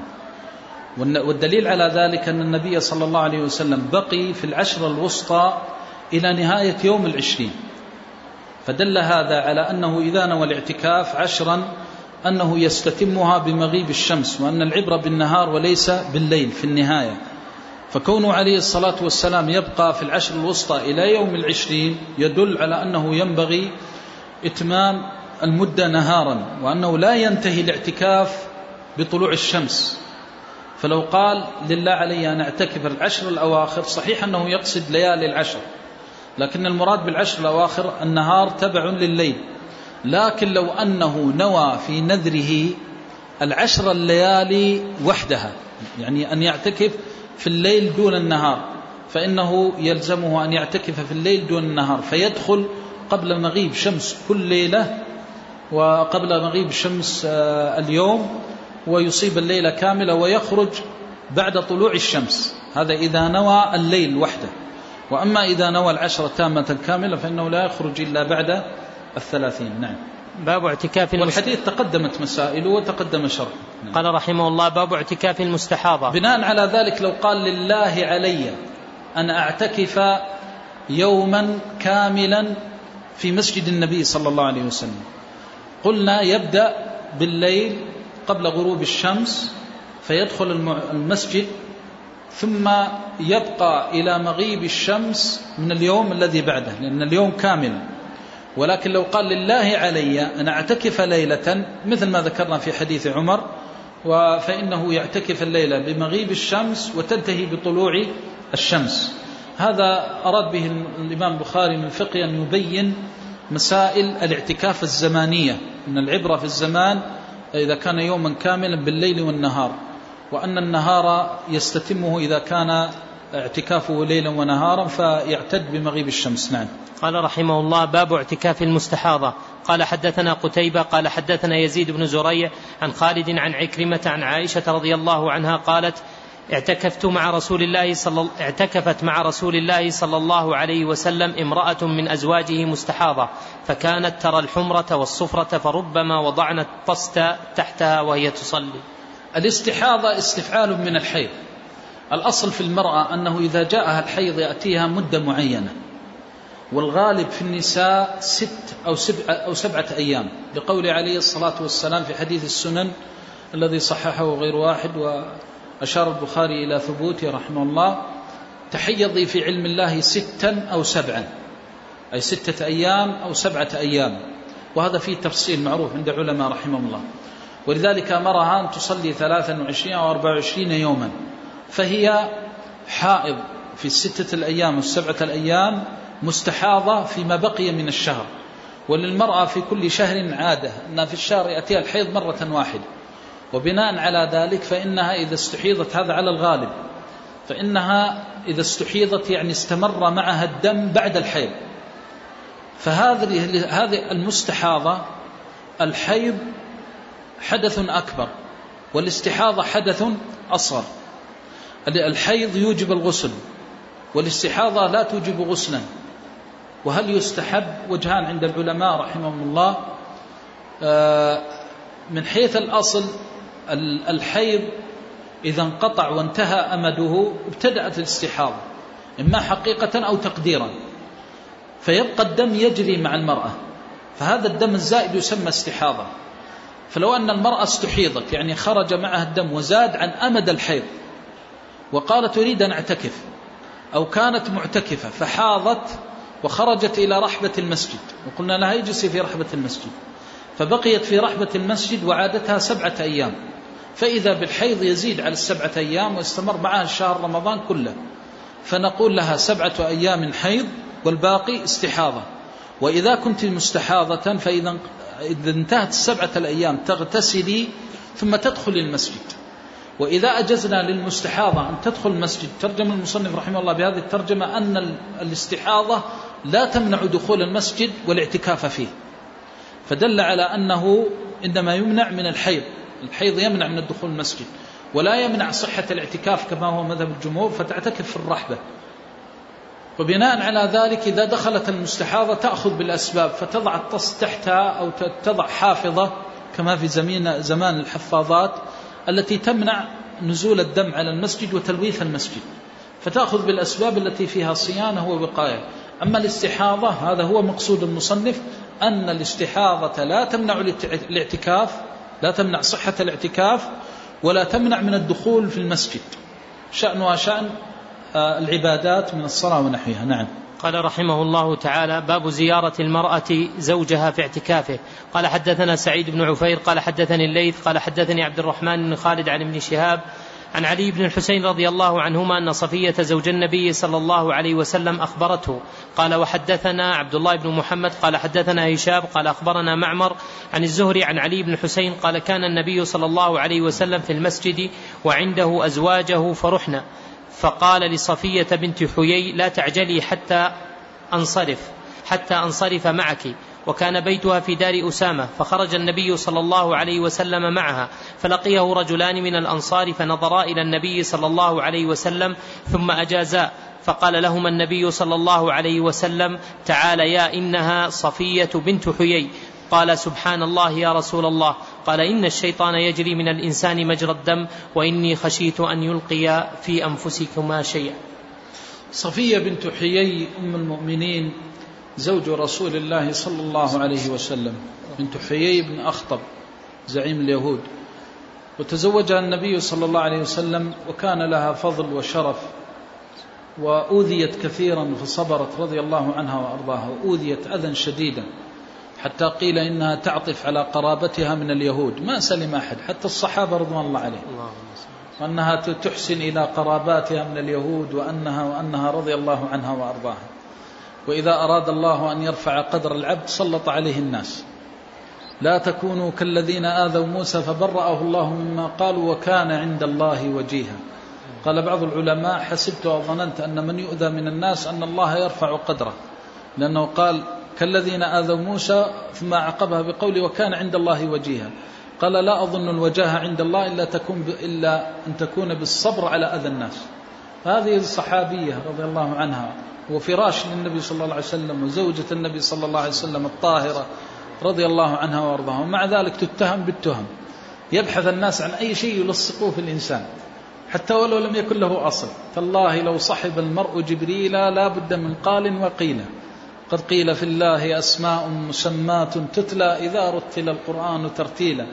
ما سلم الله من قول العباد إن له صاحبة إن له ولد أنه ثالث ثلاثة. قال موسى عليه السلام يا رب كف عني آه، خلقك. قال يا موسى أو ما ترى كيف أطعمهم وأرزقهم وأحييهم ويقولون إن لي شريكا وإنه. فهو سبحانه وتعالى صبر على على ظلم الناس لأن الشرك ظلم عظيم فمن باب أولى أن يصبر المؤمن. فكانت رضي الله عنها لها حظوة عند النبي صلى الله عليه وسلم. فلما أراد الأمهات المؤمنين أن يقوم قال انتظري. فأمرها أن تنتظر حتى يقوم معها ويقلبها رضي الله عنها وأرضاها. وهذا آه، فيه نوع فيه دليل على أنه يجوز آه، للرجل أن يخص بعض نسائه إذا وجد الموجب الشرعي إذا أرادها لأمر أو غرض. وإلا فالأصل أنه يشيع الجميع. نعم. قال رحمه الله تعالى باب هل يدرأ المعتكف عن نفسه؟ قال حدثنا إسماعيل بن عبد الله قال أخبرني أخي عن سليمان عن محمد بن أبي عتيق عن ابن شهاب عن علي بن الحسين رضي الله عنهما أن صفية أخبرته قال وحدثنا علي بن عبد الله قال حدثنا سفيان قال سمعت الزهري يخبر عن علي بن حسين أن صفية رضي الله عنها أتت النبي صلى الله عليه وسلم وهو معتكف. فلما رجعت مشى معها فأبصره رجل من الأنصار. فلما أبصره دعاه فقال تعالى هي صفية. وربما قال سفيان هذه صفية. فإن الشيطان يجري من ابن آدم مجرى الدم. قلت لسفيان أتته ليلى؟ قال وهل هو إلا ليل؟ هذا طبعا مثل الذي آه، تقدم لكن في زيادة أنه كان بالليل. والسبب في هذا أن العبادة تكون في الليل. ومن هنا البعض جعل الزيارة في النهار ولم يجعلها ليلا لأن الليل أصلا هو المقصود بالاعتكاف. فضيق في الزيارة في الليل فلما ثبت أنه فعل ذلك ليلا دل على التوسعة.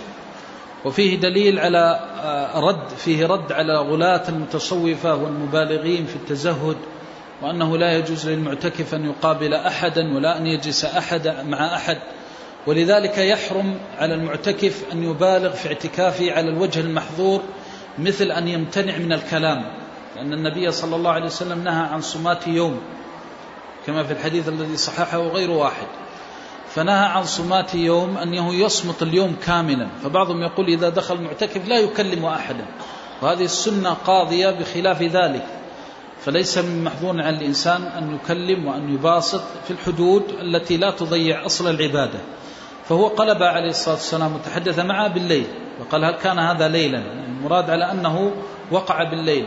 والحاجة للمعتكف في العبادة في الليل أكثر من النهار. نعم. قال رحمه الله باب من, باب من خرج من اعتكافه عند الصبح.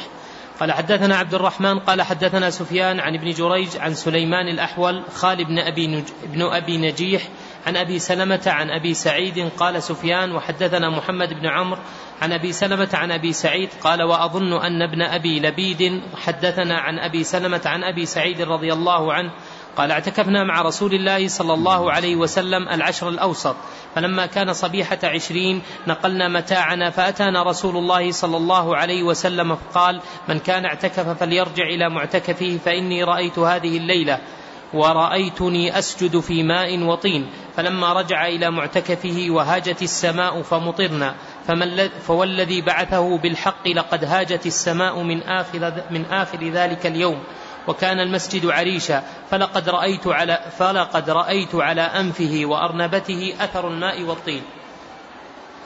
هذا الحديث تقدمت الإشارة إليه وهو حديث أبي سعيد الخدري رضي الله عنه أن النبي صلى الله عليه وسلم اعتكف العشر الوسطى يلتمس ليلة القدر وقد بينا وجه ذلك ثم أخبر أن ليلة القدر في العشر الأواخر وفيه دليل كما قدمنا على أن ليلة القدر لها أمارة وعلامة لذلك قال أريت ليلة أني أسجد صبيحة أني أسجد أريت أني أسجد صبيحة على ماء وطين. ولذلك ترجم له بعض العلماء باب السجود على الماء والطين. وهذا يدل على أن الصلاة في الطين صحيحة إذا لم يمنع من صحة السجود. يعني إذا كان الإنسان يسجد على الطين فيمكن أعضاءه السبعة الآراب التي أمر بالسجود عليها كما في الصحيح من حديث العباس رضي الله عنه أمرت أن أسجد على سبعة آراب وهي الأعضاء السبعة القدمان أطراف الأصابع المراد بهما والركبتان واليدان والجبهة والأنف. أشار إلى أنفه صلوات الله وسلامه عليه. فإذا كان يمكن هذه الأعضاء من السجود بها نعمة. أما إذا كان سجوده على الطين لا يمكن معه حصول هذا المقصود فإنه حينئذ لا يصح سجوده. وبناء على ذلك حمل عليه الصلاة عليه الصلاة والسلام في الشعب على الدابة لما ضاق عليهم. وهي من الأحوال التي يجوز فيها الصلاة على الرحل إذا تعذر النزول إلى الأرض كما في حالة شدة المطر الشديد. لو أن مطرا شديدا أصاب ركب وهم مسافرون وغلب على ظنهم أنهم لو توقفوا يغرقوا أو يتضرروا بالطين جاز لهم أن يصلوا وهم على ركابهم. فالمقصود من هذا أن النبي صلى الله عليه وسلم لم يمنعه الطين من السجود ولذلك ترجم بعض العلماء على هذا الحديث بباب السجود على الماء والطين والماء طاهر والطين طاهر فكونه طينا وزلقا لا يزيده إلا طهارة. نعم. قال رحمه الله باب الاعتكاف في شوال. حدثنا محمد قال أخبرنا محمد بن فضيل بن غزوان عن يحيى بن سعيد عن عمرة بنت عبد الرحمن عن عائشة رضي الله عنها قالت كان رسول الله صلى الله عليه وسلم يعتكف في كل رمضان وإذا صلى الغداة دخل مكانه الذي اعتكف فيه. قال فاستأذنته عائشة أن تعتكف فأذن لها فضربت فيه قبة فسمعت بها حفصة فضربت قبة وسمعت زينب بها فضربت قبة. فضربت قبة أخرى فلما انصرف رسول الله صلى الله عليه وسلم من الغد أبصر أربع قباب فقال ما هذا؟ فأخبر خبرهن فقال ما حملهن على هذا؟ آل بر انزعوهن انزعوها فلا أراها فنزعت فلم يعتكف في رمضان حتى اعتكف في آخر العشر من شوال. هذا فيه دليل على مشروعية الاعتكاف في غير رمضان كما ذكرنا لأن شوال ليس من رمضان. وليس فيه وليست فيه ليلة القدر وأنه يجوز للمسلم أن يعتكف في سائر السنة ولا حرج ولا بأس.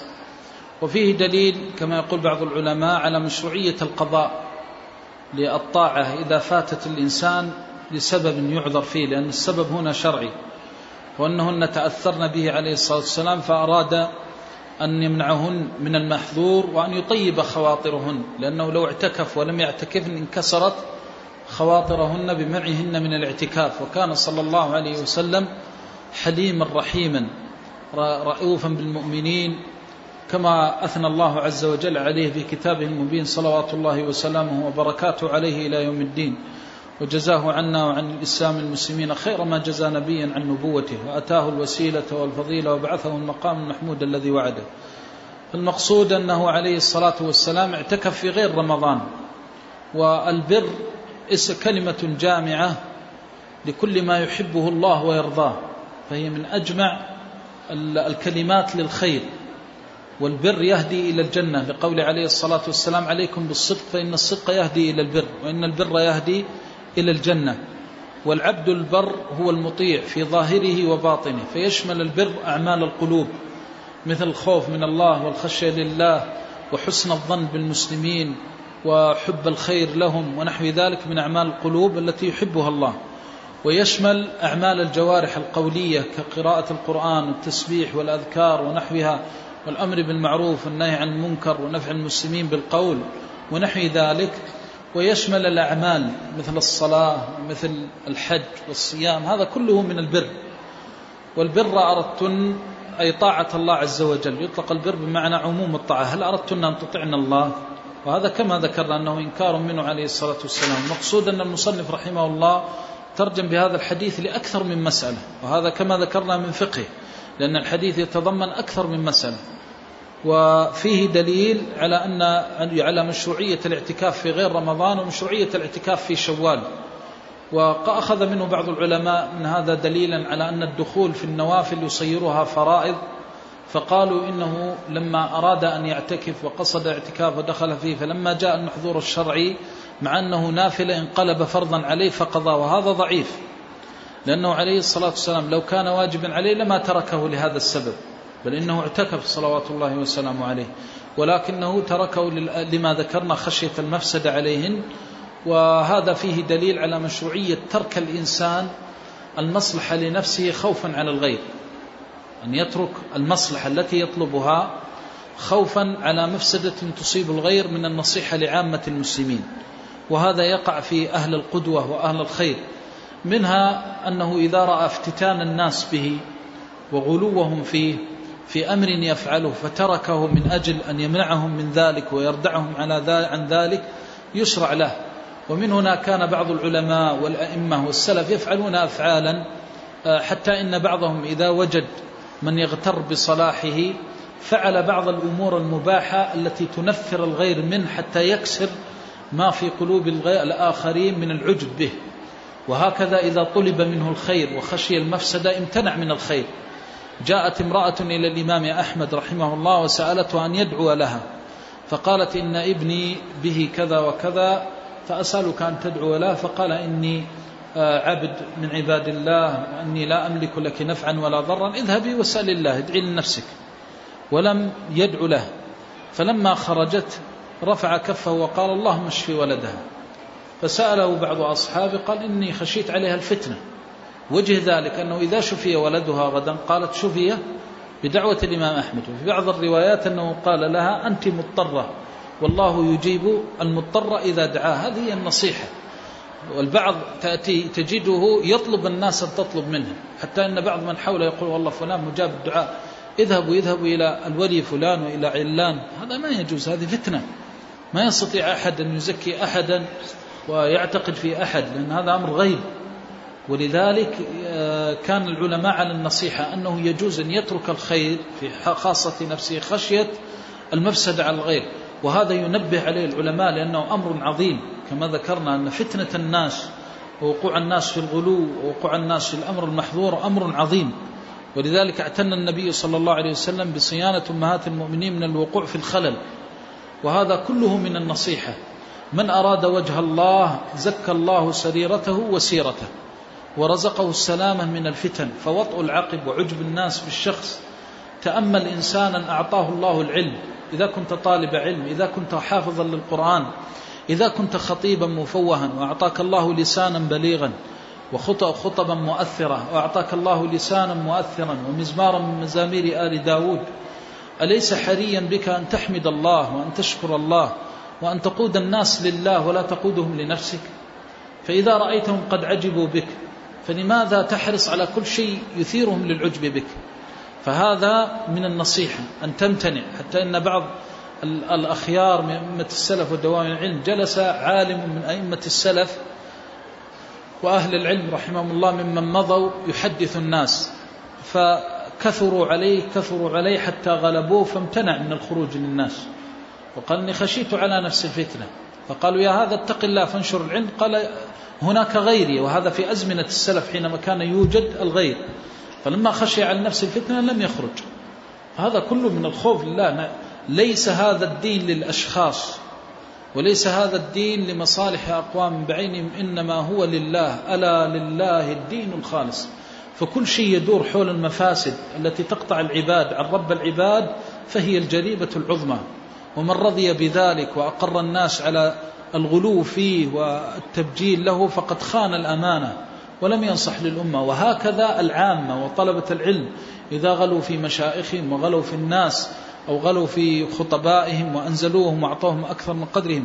فانصرفت الناس بآيات الوحي من تعظيم الله عز وجل وتعظيم الكتاب وتعظيم ما فيه من الأمر والنهي إلى تعظيم الأشخاص. والله إن القلوب لتحزن. وإذا كان هدهد يغار على حق الله فما بالك يا ولي الله؟ ألا ترى الناس يصلون في رمضان وغير رمضان؟ فيرجع الرجل إلى بيته يقول والله الليلة فلان بدع وجمل يرجع ثلاثين ليلة يتكلم عن القراء ولم يرجع يوما واحدا إلى أولاده فيقول والله إن آيات القرآن تهز القلوب. لم يتحدث عن آية واحدة تأمر وتنهى. يتحدث عن فلان الذي طرب وبدع في صوته. ويتحدث عن الخطيب الذي بدع وطرب في جمعته وأحسن وأبلغ ولا يتكلم عن رب العباد ولا يتكلم عن الذي أحكم آياته وفصلها الحكيم الخبير. سبحان رب العظيم ما أحلم الله وما أصبر الناس وما أصبر الله على خلقه. سبحان الله العظيم والله ليس هناك حق أضيع من حق الله عز وجل. تجد الإنسان يرجع إلى بيته يتكلم عن الفلان وعلان وآيات الله تتلى عليه لو نزلت على الجبال لانهدت واندكت من خشية الله عز وجل. ما يرجع إلى بيته ويقول لأولاده يا أولادي إني صليت وراء الإمام. وسمعت الله يقول يا أيها الذين آمنوا اتقوا الله وكونوا مع الصادقين. يا أولادي لا تكذبوا. يا أولادي إن الله يأمركم بالصدق فاصدقوا. هل رجع أحد منا يتحدث عن أمر من أوامر الله أو نهي من نواهي الله؟ ولذلك انظر إلى رسول الأمة صلى الله عليه وسلم كيف يغار على حق الله. عبادة يستمتع بها. كان يقول يا بلال أرحنا بالصلاة. من لذات المعتكف ولذة الاعتكاف أجمل ومن أجمل ما يكون في الاعتكاف وكله جميل حينما تخلو في الصلاة. وتجد لذة الصلاة. تجدها في الاعتكاف أكثر وأبلغ من غيرها.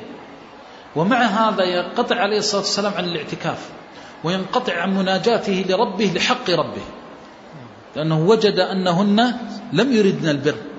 وهذا يدل على أنه ينبغي على كل من يقود الناس أن ينتبه للنوايا وأن ينتبه لحق الله. لا خير في الخطيب ولا في العالم ولا في الداعية ولا في طالب العلم. ما لم يكن كلامه ولا ما لم يكن تكن دعوته ولا ما لم يكن قيله وعمله يذكر بالله. فهذا الدين لله وليس للأشخاص. ولذلك هلكت الأمة. كانت الأمة تقوم على كتاب الله وسنة النبي صلى الله عليه وسلم أمرا ونهيا ترغيبا وترهيبا. فلما أصبحت تتحدث بالقشور وتخرج عن الجوهر وأصبحت تضيع حق الله لم يبال الله بها في أي أودية الدنيا هلكت. فهذا رسول الأمة صلى الله عليه وسلم لما رأى أن القلوب تغيرت وأن مدار القبول على القلوب وأن حق الله ضاع غار عليه الصلاة والسلام وامتنع من الاعتكاف. تعظيما لحق الله عز وجل. النية مهمة وهي مطية الإنسان إلى يوم لا ينفع فيه مال ولا بنون إلا من أتى الله بقلب سليم. ولا تسلم القلوب من دائها وبلائها إلا بالشفاء والدواء وهو الإخلاص والتوحيد. وإفراد الله بالعبادة وقصد وجه الله حقيقة لا دعوة. يحقق الإنسان في سلوكه في أقواله في أعماله. دائما خاصة إذا كنت في الشر. تخطب تعلم توجه تحرص على أن الناس كلها تعظم الله. فإذا أردت أن تنال بركة العلم وبركة الدعوة وبركة الخطبة وبركة الأبوة وبركة التوجيه فاجعل حق الله نصب عينيك. إن فعلت أفلحت وأنجحت. نسأل الله أن يعيننا على ذلك أن يعرفنا بحقوقه. وأن يعيننا على القيام بحقه على الوجه الذي يرضيه. نعم. قال رحمه الله باب من لم ير عليه صوما إذا اعتكف. حدثنا إسماعيل بن عبد الله عن أخيه عن سليمان عن عبيد الله بن عمر عن نافع عن عبد الله بن عمر عن عمر بن الخطاب رضي الله عنه أنه قال يا رسول الله إني نذرت في الجاهلية أن أعتكف ليلة في المسجد الحرام فقال له النبي صلى الله عليه وسلم أو في نذرك فاعتكف ليلة. تقدم معنا ما يتعلق بأحكام هذا الحديث منها أنه لا يشترط الصوم. أولا آه، فيه مشروعية نذر الاعتكاف. وقلنا يصير الاعتكاف به واجبا وأنه من نذر أن يعتكف يجب عليه الوفاء بهذا النذر.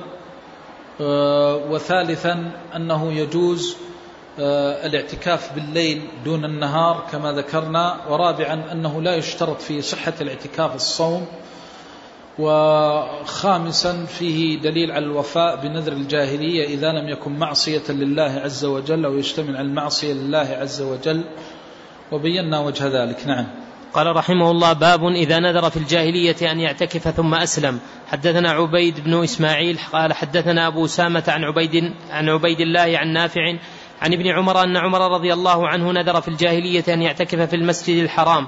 قال أراه قال ليلة قال له رسول الله صلى الله عليه وسلم أوفي بنذرك.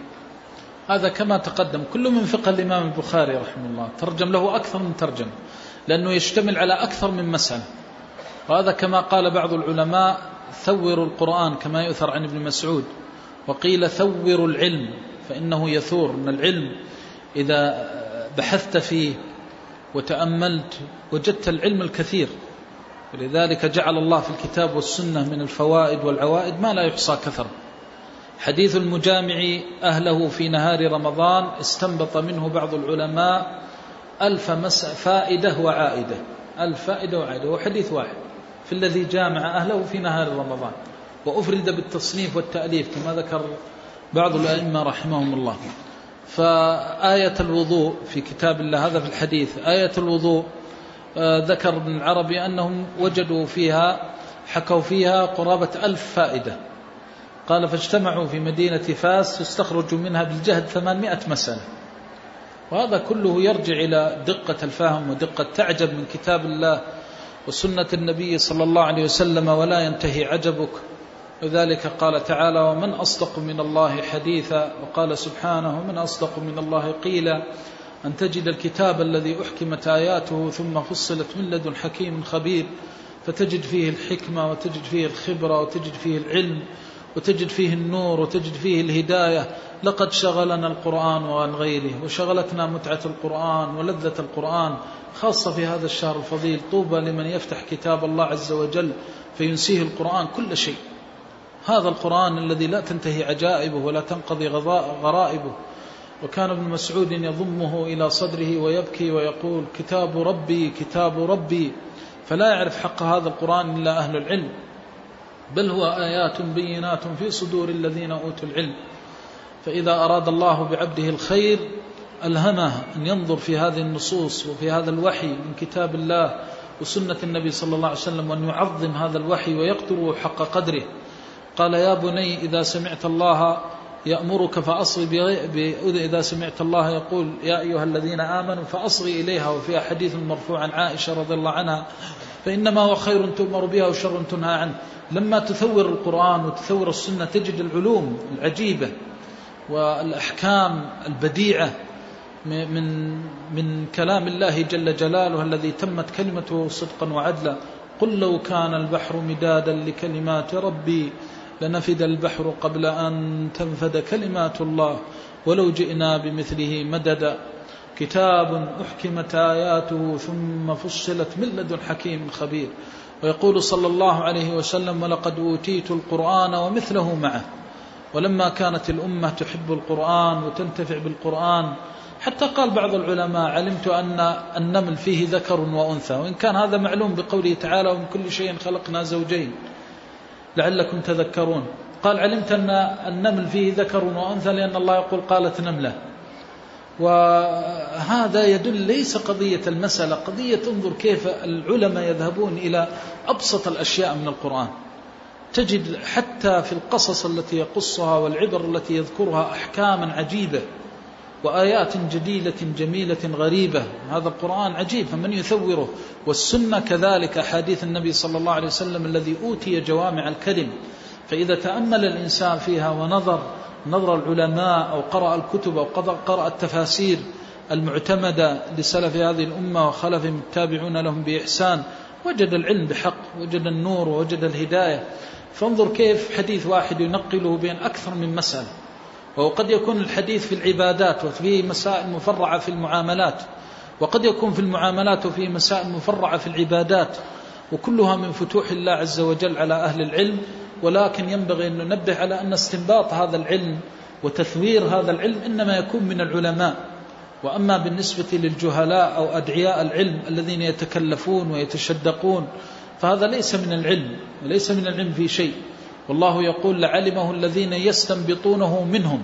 فدل على أن الاستنباط لبعض الناس وليس لكل الناس وهم أهل العلم العالمون بكتاب الله وسنة النبي صلى الله عليه وسلم. صلى الله أن يرزقنا حب الكتاب والسنة وأن يرزقنا الفقه فيهما والعلم بهما على الوجه الذي يرضيه. نعم. قال رحمه الله باب الاعتكاف في العشر الأوسط من رمضان. قال حدثنا عبد الله بن أبي شيبة قال حدثنا أبو بكر عن أبي حصين عن أبي صالح عن أبي هريرة رضي الله عنه قال كان النبي صلى الله عليه وسلم يعتكف في كل رمضان عشرة أيام فلما كان العام الذي قبض فيه اعتكف عشرين يوما. هذا الحديث فيه دليل لما تقدم أنه لو أراد أن يعتكف رمضان كاملا لم ينكر عليه. ولو أراد أن يعتكف ثلثي رمضان وهي العشرين كما في حديثنا لم ينكر عليه ووجه دخول العشر الوسطى أنه كان يعتكف العشر الأواخر على الأصل. فلما زاد عشرا ثانية فهمنا أنها العشر الوسطى لأنها لو كانت غير الوسطى لاعتني بالتنبيه عليها لأنها أقرب شيء إلى العشر الأواخر. فلما لم ينبه في الحديث فهمنا من هذا أنه اعتكف صلوات الله وسلامه عليه من العاشر من رمضان إلى نهاية رمضان. وبناء على ذلك دل على أن الاعتكاف يكون طلبا لليلة القدر ويكون الاعتكاف طلبا لفضيلة الشهر وطلبا لفضيلة العبادة في الشهر. فالإنسان يحرص على أن يزداد من الخير وكما ذكرنا شهر رمضان شهر خير وبر وإحسان. والله عز وجل جعل هذه الأمة مرحومة ولذلك جعل الاعتكاف الاعتكاف صعب يحتاج إلى تفرغ من الشغل والشواغل وهذا يحتاج إلى عناء في خاصة الإنسان وعامته. ومن هنا خفف عن الناس فلم تأتي السنة باعتكاف الشهر كاملا التماسا لليلة القدر ولا باعتكاف أكثر الشهر وإنما الثلث الأخير من الشهر. وأيضا إذا ضاق عليه الوقت كما ذكرنا الوتر من العشر الأواخر. هذا كله من رحمة الله وتيسيره وهذا لا يمنع أن الإنسان يزداد من الخير. ولما كان عليه الصلاة والسلام في آخر عمره يعتكف عشرين ليلة. وعرض القرآن مرتين. كان يأتيه جبريل فيعرض عليه القرآن مرة مرة في كل عام في رمضان. فلما كانت السنة التي قبض فيها عرض عليه القرآن مرتين صلوات الله وسلامه عليه. إذانا برحيله من الدنيا وفراقه بأبي وأمي لها. قال رحمه الله باب من أراد أن يعتكف ثم بدا له أن يخرج. قال حدثنا محمد بن مقاتل أبو الحسن قال أخبرنا عبد الله قال أخبرنا الأوزاعي قال حدثني يحيى بن سعيد قال حدثتني عمرة بنت عبد الرحمن عن عائشة رضي الله عنها أن رسول الله صلى الله عليه وسلم ذكر أن يعتكف العشر الأواخر من رمضان فاستأذنته عائشة فأذن لها وسألت حفصة عائشة أن تستأذن لها ففعلت فلما رأت ذلك زينب زينب بنت ابنة جحش أمرت ببناء فبني لها. قالت وكان رسول الله صلى الله عليه وسلم إذا صلى انصرف إلى بنائه فبصر بالأبنية فقال ما هذا؟ قالوا بناء عائشة وحفصة وزينب. فقال رسول الله صلى الله عليه وسلم آل بر أردنا بهذا ما أنا بمعتكف. فرجع فلما أفطر اعتكف عشرا من شوال. هذا الحديث فيه مسألة تتعلق بقصد الاعتكاف وفعل الاعتكاف. وأن نية الخير لا تستلزم من الإنسان أن يقوم به إذا لم يكن واجبا عليه لأن الاعتكاف ليس واجبا. وهذا يدل على أن الأصل فيه أنه مأذون به شرعا على سبيل آه، لا وجوب فيه. وهذا ما جعل العلماء يقولون أن الاعتكاف سنة ومستحب. ولا يكون واجبا إلا بالنذر أي إذا أوجبه الإنسان على نفسه أما الشرع فلم يوجب علينا الاعتكاف.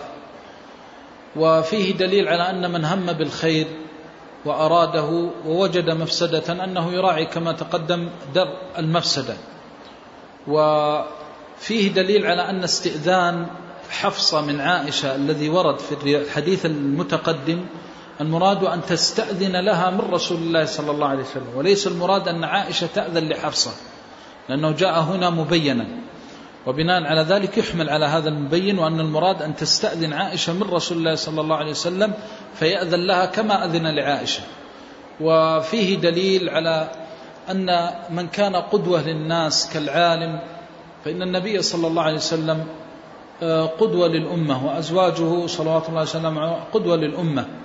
فراعى عليه الصلاة والسلام أن يقي أهله من النار. لأنه إذا كان هذا على سبيل الغيرة فليس على سبيل الطاعة. فحرص على أمر أقرب الناس إليه وهم أهله وزوجه وحبه صلوات الله وسلامه عليه.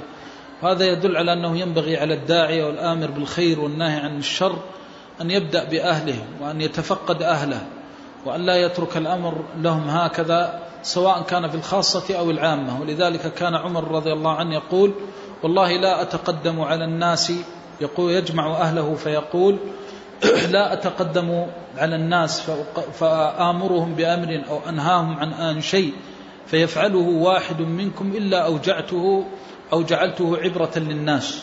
وهذا يدل على عناية السنة والسلف الصالح رحمه الله بهذا الأمر. نعم. قال رحمه الله باب المعتكف. المعتكف يدخل رأسه البيت للغسل.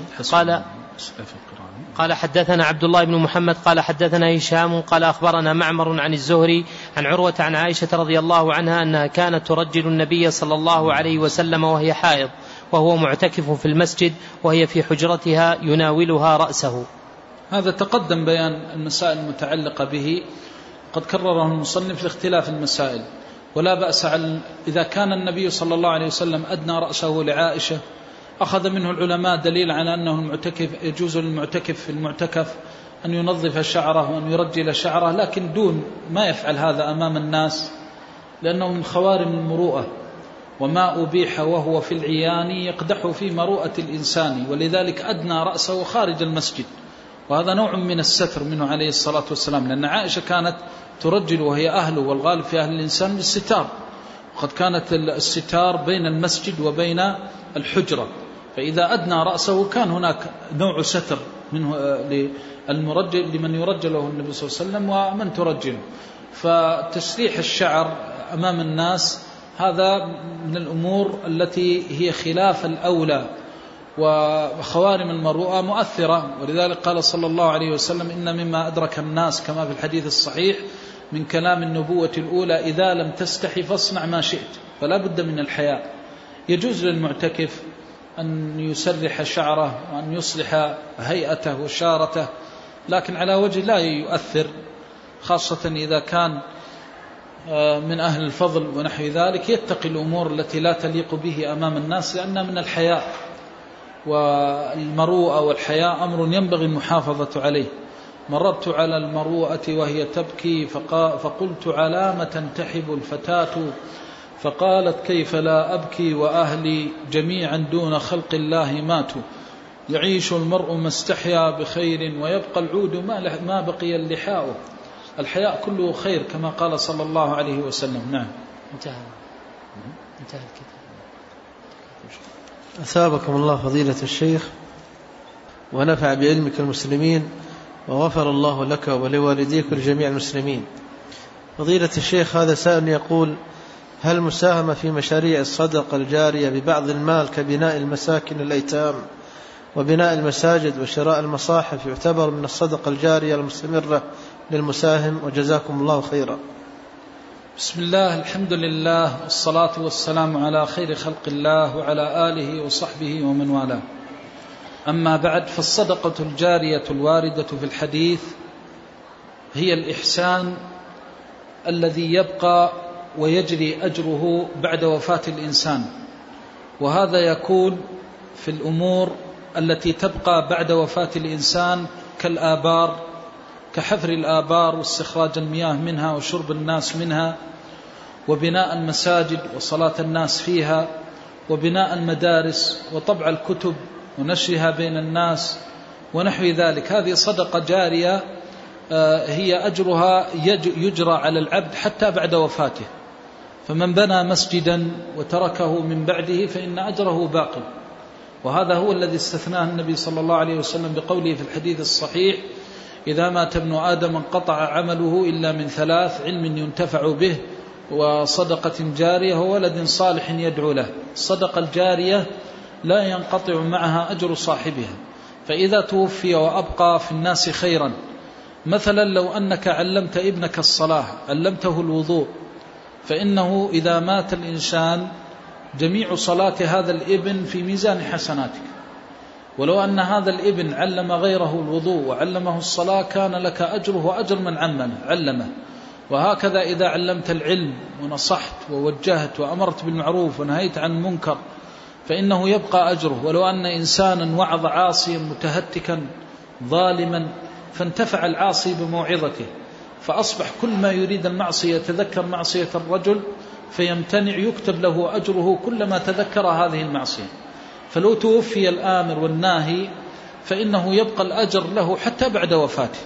هذا كله من الخير كما قال صلى الله عليه وسلم في الحديث الصحيح من دعا إلى هدى كان له أجره وأجر من عمل به إلى يوم القيامة لا ينقص من أجورهم شيئا. ولذلك رغب العلماء في تعليم أبناء المسلمين القرآن. وتعليمهم السنة وتحفيظهم القرآن والسنة وتعليمهم العلم النافع لأنه أجر باق وخير يخلفه الإنسان من بعد وفاته. وهكذا مكارم الأخلاق من مثل بناء الصدق الصدقات ببناء الدور للأيتام والأرامل ووقف الأوقاف والأربطة وتحبيس الحبس ونحو ذلك كله من الصدقة الجارية الباقية للإنسان بعد وفاته. والله تعالى. فإذا ساهم هذا يأتي على صورتين. إما أن يكون الشخص بنفسه ينفرد بالعمل الصالح فأجره فيه كاملا. وإما أن يجتمع مع غيره مثل أن يستهم ثلاثة أشخاص في بناء مسجد. فلهم الأجر بقدر ما استهموا. ولهم الأجر على قدر تعبهم ونصبهم في المسجد. فمثلا لو أن أحد كان المسجد بناؤه بثلاثة ملايين ودفع كل واحد منهم مليونا. كان لكل واحد منهم الثلث من الأجر. لكن لو أن أحدهم هو الذي بناه وهو الذي أشرف عليه وهو الذي تعب فيه زاد أجره بقدر ما وضع في هذا المسجد. فالله لا يظلم أحدا قال صلى الله عليه وسلم في الحديث الصحيح ثوابك على قدر نصبك. فمن ساهم في شيء فأجره على قدر المساهبة مادة ومعنى. وهذا كله راجع إلى الخير الذي يكون من وراء هذه المساهمة ويكون سهمه على قدر ما يكون منه من الخير والله تعالى أعلم. أثابكم الله. فضيلة الشيخ هذا سائل يقول كيف يكون العبد موفقا؟ ما يسمع بباب خير إلا وفق له. تجده مع المصلين والصائمين والقائمين والمحسنين والبارين وهكذا وجزاكم الله خيرا. اللهم المستعان ما أعظم هذا السؤال. هذا السؤال يعني لو جلسنا شهور بل والله سنوات ما نحصيه لأن هذا كله الدين كيف يكون موفقا؟ يكون العبد موفقا بأمور منها ومن أهمها وأعظمها. أولا سؤال الله والدعاء. أكثر من سؤال الله الهداية. ولذلك كان صلى الله عليه وسلم يقول اللهم اهدني وارحمني واجبرني كما ثبت في الحديث الصحيح أنه كان يقول ذلك بين السجدتين. أن تكثر من سؤال الله. اللهم وفقني لما تحب وترضى. اللهم عصمي كان عبد الله بن عمر رضي الله عنهما كما روى البيهقي عنه بسند صحيح. إذا اعتمر أو حج ورقى الصفا والمروة يقول في دعائه ومن دعائه اللهم اعصمني بطواعيتك وطواعية رسولك صلى الله عليه وسلم. أن تسأل الله الدين وأن تسأل الله الاستقامة من كل قلبك. والله يقول ادعوني أستجب لكم. كم من أقوام سألوا الله بصدق أن يكونوا من الصالحين فبلغهم الله درجات الصالحين علما وعملا فجمع لهم بين النية والظاهر والباطن. وهذا كله بتوفيق الله. أن تدعو الله عز وجل أن يهديك. وفي الحديث الصحيح عن النبي صلى الله عليه وسلم أنه قال يقول الله تعالى يا عبادي كلكم ضال إلا من هديته فاستهدوني أهدكم. اللهم إنا نستهديك فاهدنا وفي الحديث الصحيح عن الحسن رضي الله عنه أن النبي صلى الله عليه وسلم علمه دعاء القنوت فقال اللهم اهدي قل اللهم اهدني فيمن هديت. فاسأل الله دائما أن يهديك. ولا تتكل على صلاحك واستقامتك. وليكن معك الخوف الشديد من الانتكاسة وزيغ القلب. تقول اللهم إنا نعوذ بك من زيغ القلب. فإن فإنه لا يهلك على الله إلا هالك. قد يستقيم الإنسان على الطاعة فيأتي في لحظة واحدة وينظر إلى طاعته فيغتر فيزيغ قلبه والعياذ بالله. ويبلى بالانتكاسة فتكون على حذر وخوف. ومن خاف أمن ومن خشي سلم. هذا الأمر الأول كثرة الدعاء. تسأل الله عز وجل لأنه أمر هو من فضل الله ولا يعطيه إلا الله, إلا الله. أما الأمر الثاني للتوفيق فهو الأخذ بالأسباب. التي تحقق وتعين الإنسان على أن يكون موفقا. وأعظمها وأجلها على الإطلاق كتاب الله جل جلاله وسنة النبي صلى الله عليه وسلم. فلن تجد توفيقا إلا بالقرآن والسنة. فمن رزقه الله عز وجل حب القرآن وكثرة تلاوة القرآن والتأثر بالقرآن والبكاء من آيات القرآن والخشوع عند سماع القرآن وحب سماع القرآن والتأثر عند سماعه فإنه أقرب الناس إلى التوفيق وأقربهم إلى التحقيق وأقربهم لسلوك أقوم طريق. جعلنا الله وإياكم ذلك الرجل. أن تحب كتاب الله ومن أحب شيئا تأثر به. ولذلك قال صلى الله عليه وسلم من أحب قوما حشر معهم. السبب في هذا أنه سيتأثر بهم ويقول بأقوالهم يعمل بأعمالهم. فحب كتاب الله وليكن شعارك دائما أن تكون بخير المنازل مع كلام الله عز وجل. لا ترضى لنفسك مع القرآن بالقليل. إياك ثم إياك أن ترضى لنفسك من القرآن باليسير. بل عليك أن تجد وتجتهد. تحاول حفظ القرآن. ثم تحاول فهمه وتدبره. وتحاول تطبيق كل ما جاء في كتاب الله عز وجل. وإن من التوفيق أن تجد الإنسان إذا نشر كتاب الله بين يديه. أحس كأن أن الله يأمره وينهاه فيبكي لوعده ووعيده ويخشى من تخويفه وتهديده. وإذا سمع الجنة طار شوقا إليها فتجده ينتظر متى ينتهي من القرآن لكي يعمل خصلة من الخصال التي سمعها في كتاب الله عز وجل. يسمع كتاب الله عز وجل يأمره بالصلاة فيكون أسبق الناس إلى الصلوات وإجابة الدعاء والمسابقة إلى الصفوف الأول. والتأثر بسماع الأئمة والقراء والخشوع عند سماع القرآن. يتمنى أن منزلته في الصلاة أعلى المنازل وأشرفها وأجلها ويحطم هذه النفس ويهينها ويذلها في قرب التقرب إلى الله عز وجل بذلك. يسمع كتاب الله يدعوه إلى الصدقة فلا يمر على مسكين ولا محتاج ويستطيع أن يعطيه شيئا إلا أعطاه ولا يمر على مكروب أو منكوب أو مفجوع أو مفجوع. ويستطيع أن يشفع له أو يقضي حاجته إلا سعى له في ذلك. فلا يزال العبد يجتهد مع كتاب الله عز وجل حتى يبلغ أعلى درجات التوفيق وهذا في طلب الخيرات.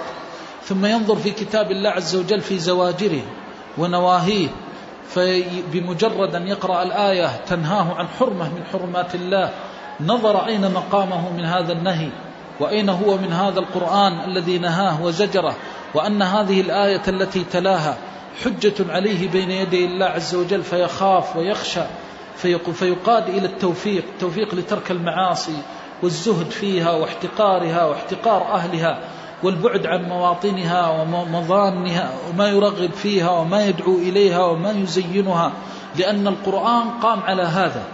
فإذا قرأت القرآن وجدته يزهدك في كل شيء فيه معصية الله عز وجل يزهدك بتحقير المعصية. يزهدك بتخويفك من المعصية يزهدك بكشف حقيقة المعصية.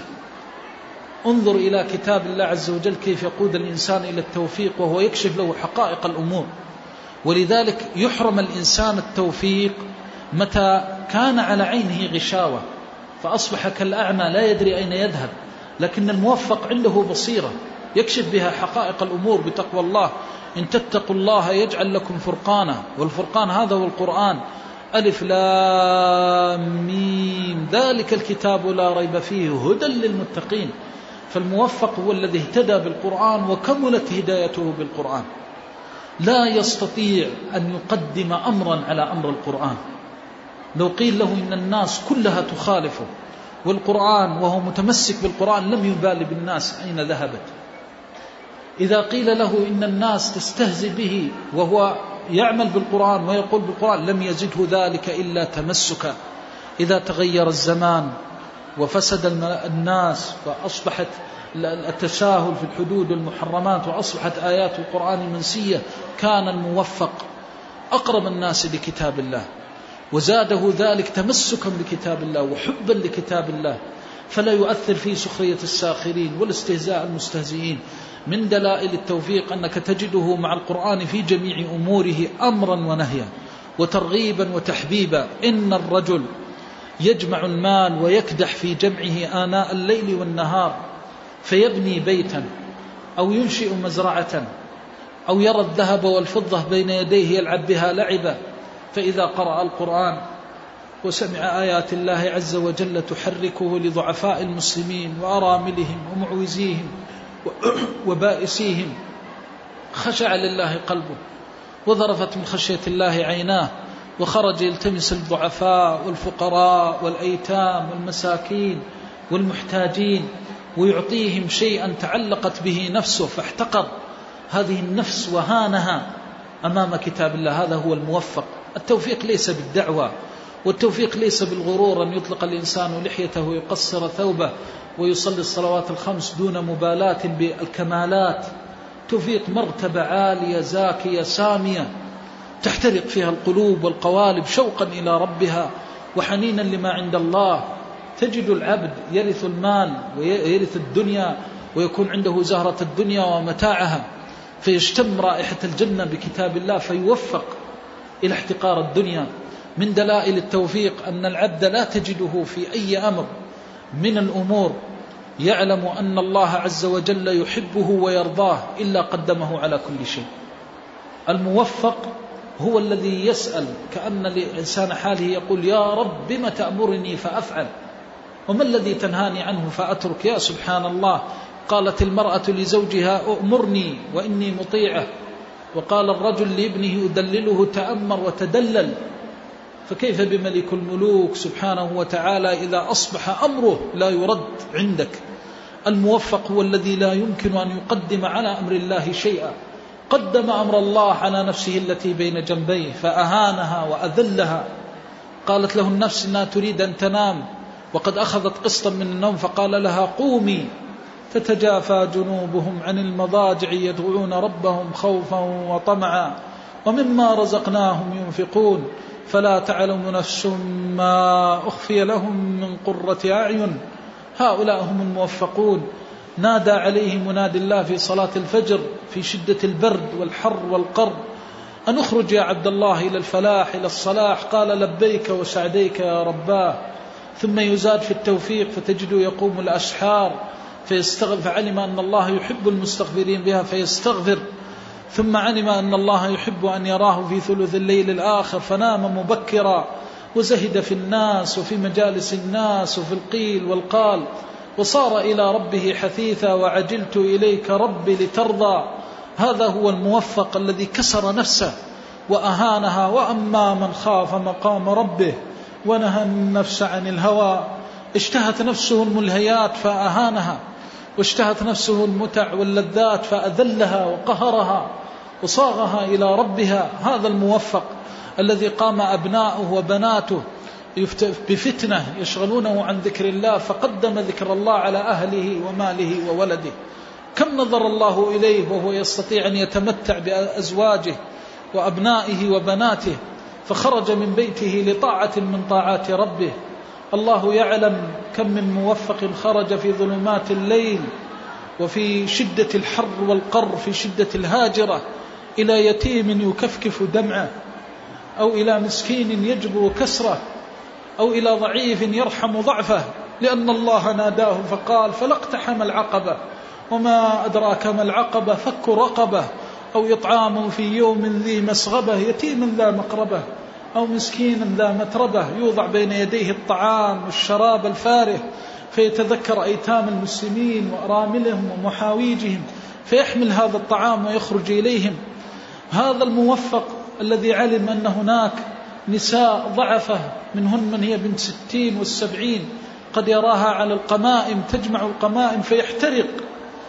يحترق فلما يرى أرملة من أرامل المسلمين لو كانت أمك أو أختك وهي تخرج في شدة الهجير يمر عليها فيراها فيحترق نفسه. فيأخذ المال الذي في جيبه فلا تعلم يمينه ما أنفقت يساره. لأنه لا يعد المال ولا يحصيه. يأخذ جميع ما في يده ويعطيه للأرملة. يشتري ما عند الله. موفق للجنات موفق للباقيات الصالحات.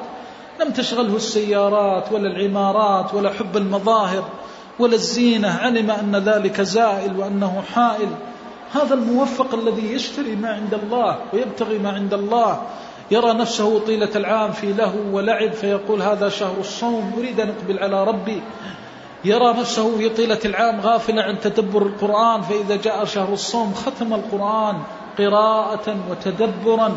وسأل نفسه أين هو من هذه الأوامر والزواجر؟ إنه الموفق الذي كسر كل شيء لمرضاة ملك الملوك وإله الأولين والآخرين. الموفق هو الذي لا يقر قراره.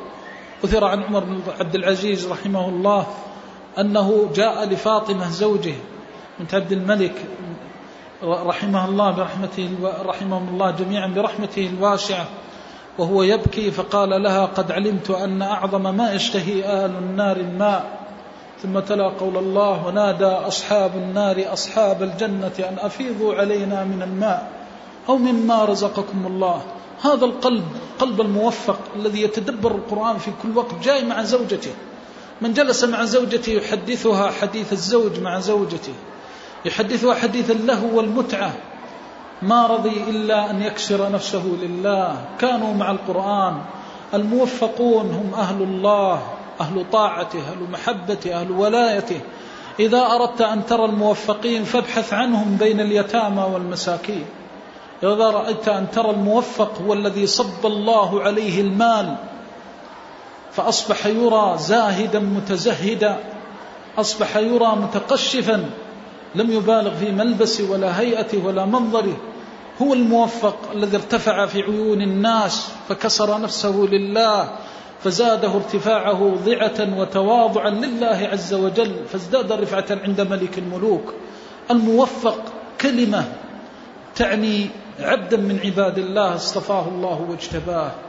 عبد يذكر بالله وبطاعته ومحبته ومرضاته الموفق هو المسدد في قوله إذا جلست معه سمعت التسبيح والاستغفار وتلاوة القرآن.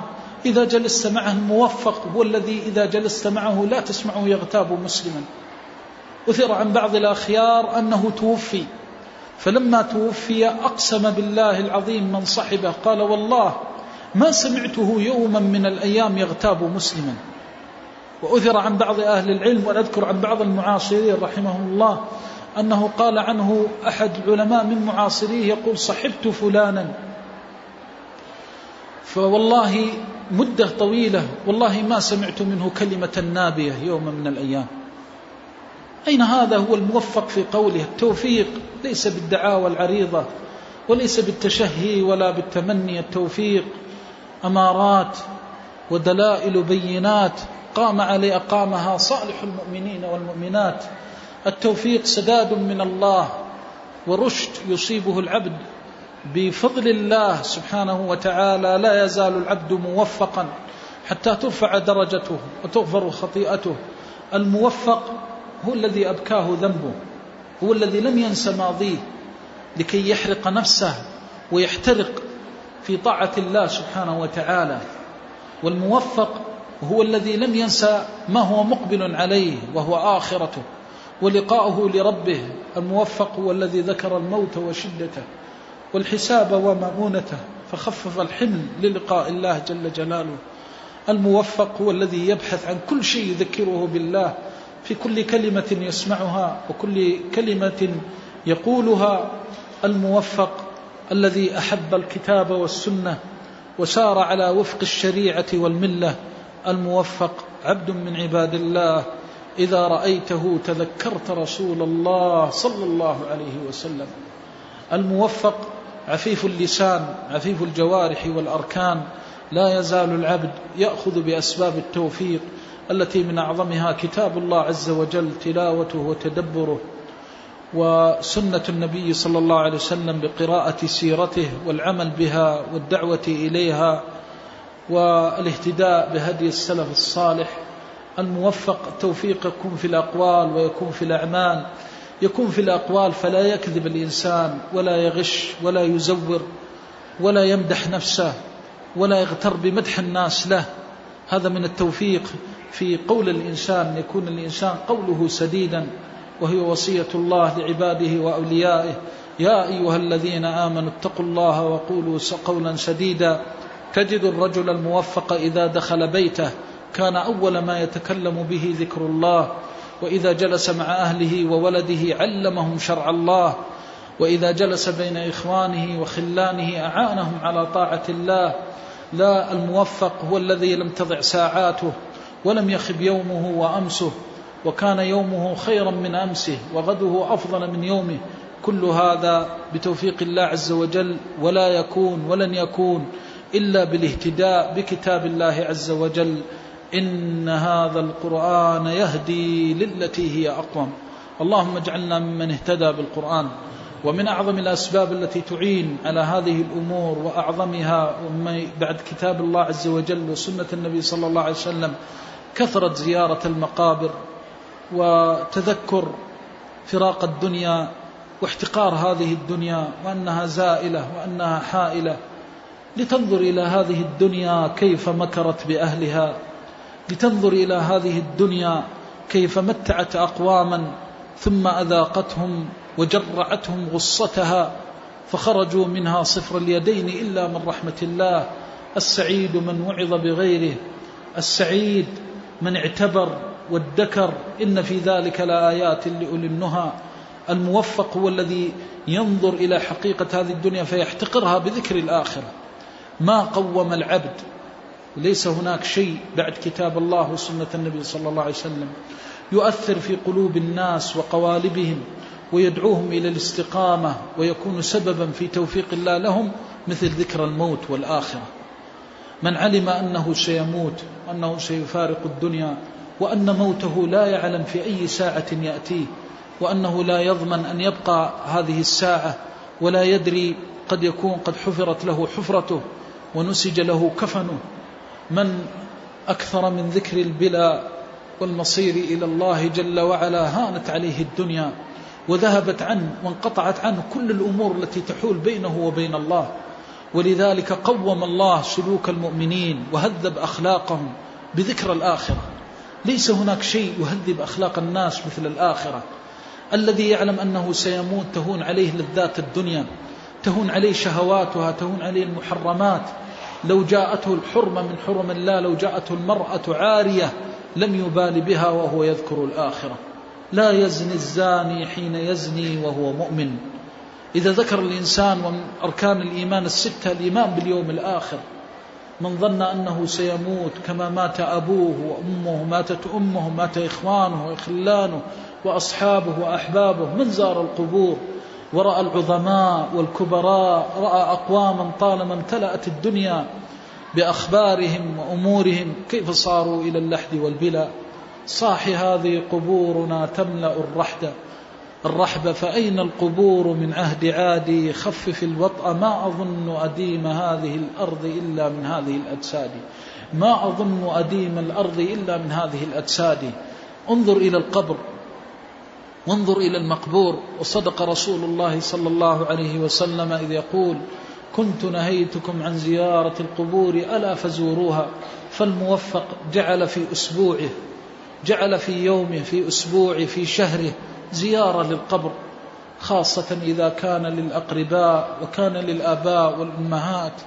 يتذكر الأعزة والأحبة كيف صاروا إلى الله. يتذكر أقواما طالما أحبهم وأحبوه وطالما كانوا بقربه. قد تكون زوجة قد يكون ابن فلدت كبد فينظر كيف حال بينه وبين ابنه التراب. لا يملك له ضرا ولا نفعا ولا موتا ولا حياة ولا نشورا. فيعلم أن الله أمره جد وليس باللعب. يعلم أن الحياة ليست لهوا ولا لعبا. ولقد جئتمونا فرادا كما خلقناكم أول مرة. عندها تنكشف عن عينيه ينكشف الغطاء. ويعلم أنه صائر إلى هذا المصير ومنقلب إلى هذه الحفرة. وأنه سيمرغ وجهه بالتراب وأنه سينزل إليها. كما نزل إليها من قبله وأنه ستهان كرامته وتذهب عزته يذل في عزته ويهان في كرامته إلا أن يرحمه ربه. عندها يوفق.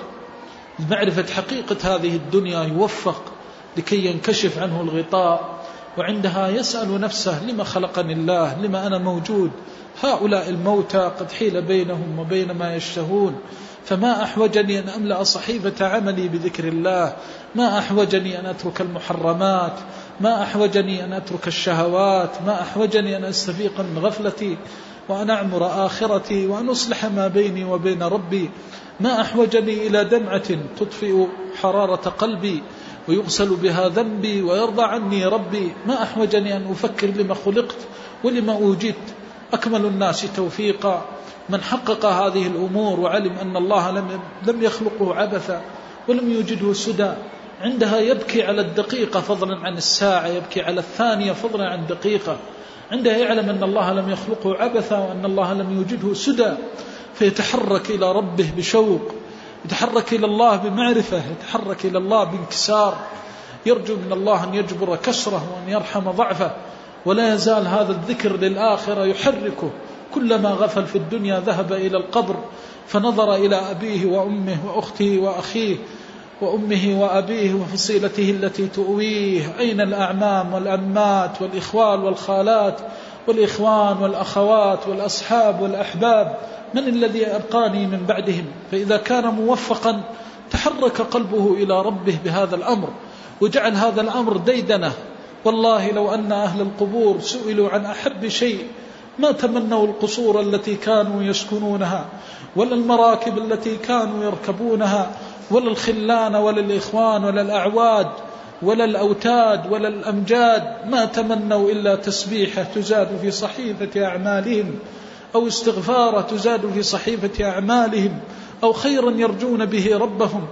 الموفق هو الذي عرف حقيقة الأمور وأزال الله عنه الهوى والغي والشرور فأيقظه من غفلته ونبهه من منامه. الناس تلهو وتلعب وهو في عزة وكرامة بطاعته لله عز وجل. ولا يزال العبد يتذكر الآخرة حتى يزهد في هذه الدنيا ويعرف حقيقتها وحقيقة أهلها يعرف فيها الغش والكذب. فيترك الغش والكذب إلى دار الآخرة التي أهلها أهل صدق وأهل جد. يترك هذه الدنيا بنفاقها وريائها وزهوها إلى الآخرة المليئة بالرحمة وبالعفو والمغفرة. فيعد للأمر عدته. وقال الله في كتابه لقد كنت في غفلة من هذا فكشفنا عنك غطاءك فبصرك اليوم حديد. إن من توفيق الله أن تعلم أنه إذا دنت ساعتك وحانت سكرتك أنك تستفيق إفاقة ما أفقت في الدنيا مثلها. وجاءت سكرة الموت بالحق. وقيل وجاءت بالحق سكرة الموت في قراءة. أي أن سكرة الموت جاءت بالحق الذي لا باطل فيه. عندها ينكشف للإنسان سراب الدنيا. وهذه الدنيا التي عاشها عشرين أو ثلاثين أو ستين أو مئة سنة تمر كلحظة واحدة. يقسم المجرمون ويوم تقوم الساعة يقسم المجرمون ما لبثوا غير ساعة. هول تنتهي عنده الأشياء وتنقضي التوفيق. أن تتذكر أن الله عز وجل خلقك لتوحيده وعبادته وأن هذا اللهو واللعب كله سينتهي إذا انكشف الغطاء. غدا غدا ينكشف الغطاء كم شدة من بعدها رخاء. لا ينبغي للإنسان إذا أراد التوفيق أن يلهو مع اللاهين وعليه أن يستفيق. وأن يسلك الطريق الذي يقربه إلى الله وأن يسعى إلى الله حثيثا وأن لا يبالي بشيء إلا مرضاة الله سبحانه وتعالى. أسعد الناس بالتوفيق وأولاهم به من ذكر الله في جميع أحواله. هو العبد الذي لا يفتر عن ذكر الله طرفة عين قلبه دائما يتذكر الله عز وجل. تراه مشلولا على الفراش يحمل حامدا لله شاكرا. راضيا بقضاء الله صابرا محتسبا حامدا لله على عافيته. يقول ما دام ديني سالما فلا أبالي. إلهي إني راض بقضائك وقدرك راج لرحمتك. لا يزال موفقا في البلاء بالكلام الذي يرضي ربه. يتملق الله سبحانه وتعالى يرضي الله وحاله بأشد الحالات. تجده محموما مريضا في شدة البلاء في شدة الكرب ولا يزال يثني على الله لأنه ما غفل عن الله طرفة عين. لا تجده يصرخ ولا يتجزع ولا يجزع. يتذكر قول النبي صلى الله عليه وسلم عجبت لأمر المؤمن إن أمره كله خير. فتجد نفسه عالية هذا التوفيق. لقد خرج أقوام من الدنيا بكلمات رضي الله بها عنهم رضا لا سخط بعده أبدا. يقول الطبيب للمريض ذهب بصرك. فيقول إنا لله وإنا إليه راجعون. عبد ملك لله أعطاني الله بصري وابتلاني بفقده اللهم رضيت بقضائك وقدرك. يقال يا فلان مات ابنك. قال إنا لله وإنا إليه راجعون. اللهم أجرني في مصيبتي واخلف لي خيرا منها. مات أبوك ماتت أمك. مات أخوك ماتت أختك مات حبيبك. قال رضيت بالله إنا لله وإنا إليه. توفيق. كلام تفتح له أبواب السماوات. إليه يصعد الكلم الطيب والعمل الصالح يرفعه. التوفيق أن تعرف من ربك وكيف تعامله. أن تعلم أنه لن تكون حركة في هذه الدنيا ولا سكون إلا بأمر الله أنك تحت أمره تحت قهره. وله أسلم من في السماوات والأرض طوعا وكرها. يأتي الشيطان ويقول للإنسان أأنت الذي كنت تذهب وتأتي وأنت الذي تصول وتجود وأنت الذي كان عندك المال والغنى اليوم أنت فقير هكذا يفعل بك ربك. يقول نعم ونعمت عيني ورضيت بما كتب لي ربي. المال مال الله فإن أعطاني رضيت بالله وإن أخذه مني فلا اعتراض على قضاء الله. يقال هذا السكر قد أخذ قدمك هلما نقطعها. يقول رضيت بالله أحتسب الثواب عند الله. توفيق موفق. لا يقول إلا ما يرضي الله. الموفق يقول الكلمة فيكتب الله له بها رضاه إلى يوم يلقاه. الموفق يعمل العمل فيرضي الله رضا لا سخط بعده أبدا. يأتيك البلاء تأتيك الفجائع الفوازع القوارع. فتتلقاها بالنفس المؤمنة تتلقاها بالصدر المنشرح بالقلب المطمئن. رضيت بالله إنا لله وإنا إليه راجعون. تكون مع الله في جميع أحوالك. فإذا أعطاك الله الخير وبسط لك من النعمة نظرت إلى نعمته يدخل الرجل على أهله وولده وزوجه. فيقول يا رب كنت وحيدا فسترتني وأعطيتني زوجة أعف بها فرجي وأحصن بها فرجي يا رب لك الحمد. ثم أعطيتني زوجة مؤمنة تصبرني وتذكرني بك يا رب لك الحمد. ثم أعطيتني زوجة في عافية يا رب لك الحمد. ثم أعطيتني أولادا وأردت أن يبقى عقبي ولم تقطع لي عقبي يا رب لك الحمد. ثم أعطيتني ذكورا وإناثا يا رب لك الحمد. فلا يزال ينظر أن تعيش مع الله. أن لا تكون مع الغافلين أن لا تلهو مع اللاهين. الموفق هو الذي وفق في سيرته وسريرته هو الموفق في قلبه الذي امتلأ بالله عز وجل وامتلأ بما عند الله لا يغتر بشيء. حاله كله مع الله. ولذلك في قصص الأنبياء الذين قص الله أخبارهم كيف ذلوا لربهم واستكانوا. وتضرعوا لله وما اغتروا وما ضيعوا الأمانات وما خانوا. قال هذا من فضل ربي ليبلوني أشكر أم أكفر. ومن شكر فإنما يشكر لنفسه ومن كفر فإن ربي غني حميد. انظر نبي جعل الله له الجن تحت الأرض من الجن وحشر لسليمان جنوده من الجن والإنس والطير فهم يوزعون. قال رب هب لي ملكا لا ينبغي لأحد من بعدي فلما أوتي هذا الملك قال الملك لربي وليس لي. ذل الله وانكسر قال هذا من فضل ربي ليبلوني أشكر وم أكفر. ثم بين أنه إن شكر فبفضل الله وأنه من كفر فإن الله غني عن العالمين. هذا في حال النعمة. أما في حال النقمة وتولى عنهم وقال يا أسفى على يوسف وابيضت عيناه من الحزن فهو كظيم. قالوا تالله تفتأ تذكر يوسف حتى تكون حرضا أو تكون من الهالكين. قال إنما أشكو بثي وحزني إلى الله وأعلم من الله ما لا تعلمون. موفق لأن قلبه مع الله. أشكو بثي وحزني إلى الله. من هو الله؟ شكا بثه وحزنه إلى أرحم الراحمين. إلى أرحم الراحمين. لو أنك يوما من الأيام أصابتك مصيبة أو أذيت بأذية فأردت أن تشتكيها إلى مخلوق فاعلم أن الشكوى لا تكون إلا إلى الله. قال إنما أشكو بثي وحزني إلى الله. المنتهى كل شكوى وسامع كل نجوى. ما بالك بمن لا يخفى عليه شيء فهو يسمعك؟ وما بالك إذا كان الذي لا يخفى عليه ويسمعك أنه أرحم الراحمين. لمن تشتكي؟ لقد قطع الله شكوانا عن غيره قال إنما أشكو بثي وحزني إلى الله توفيق.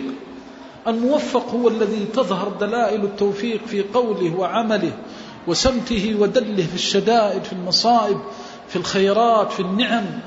تأتي النعم إلى العبد تزف زفا فيطأها بقدمه في مرضاة الله جل جلاله ومحبته. ينفق الألوف ولا يراها إلا كالريالات. وينفق الملايين وكأنها لا تساوي شيئا في جنب ملك الملوك سبحانه وتعالى.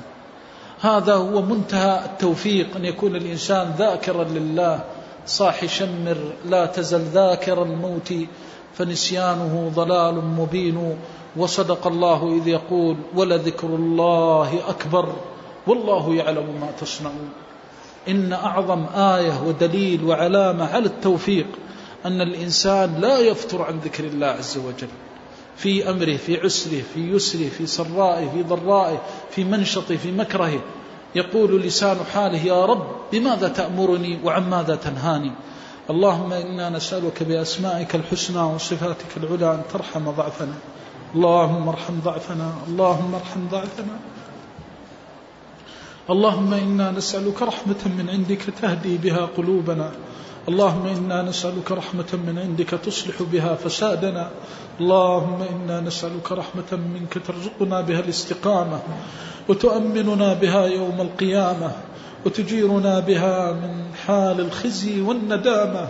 وتوقفنا بين يديك بلا عتب ولا عذاب ولا ملامة. يا رب العالمين يا أرحم الراحمين. اللهم إنا نسألك من الخير كله عاجله وآجله. اللهم افتح علينا أبواب رحمتك. اللهم افتح علينا أبواب رحمتك. وعمنا بواسع مغفرتك. اللهم إنا نسألك في هذا المقام يا ذا الجلال والإكرام. قد صامت لك أحشاؤنا وأمعاؤنا. ونحن في بيتك ومسجد نبيك صلى الله عليه وسلم. قد اجتمعنا لذكرك أن ترحمنا برحمتك الواسعة. اللهم ارحمنا برحمتك الواسعة. اللهم ارحمنا رحمة لا نضل بعدها أبدا. اللهم ارحمنا رحمة نسعد فلا نشقى بعدها أبدا. اللهم ارحمنا وارحم آباءنا وأمهاتنا وإخواننا وأخواتنا وأزواجنا وذرياتنا ومن له حق علينا وجميع المسلمين والمسلمات والمؤمنين والمؤمنات. رحمة يا أرحم الراحمين تنور بها قبور موتانا وموتى المسلمين. وتفسح لهم فيها فسحة تدخل عليهم بها السرور إلى يوم البعث والنشور. يا أرحم الراحمين. اللهم لا تردنا خائبين في شفاعتنا لإخواننا المؤمنين. اللهم نور قبورهم. اللهم نور على أهل القبور قبورهم. وارحم المعذبين وأجرهم برحمتك يا أرحم الراحمين. اللهم أزل عن كل معذب عذابه. وارحم أهل القبور برحمتك الواسعة وخص بذلك الآباء والأمهات والإخوان والأخوات والإلة والقرابات برحمتك يا أرحم الراحمين. اللهم اغفر للمؤمنين والمؤمنات والمسلمين والمسلمات. اللهم فرج همومهم ونفس همومهم. اللهم اجبر كسرهم وأصلح أحوالهم واهد ضالهم. وارحم معذبهم. اللهم فرج عن المؤمنين والمؤمنات. اللهم قو شوكتهم.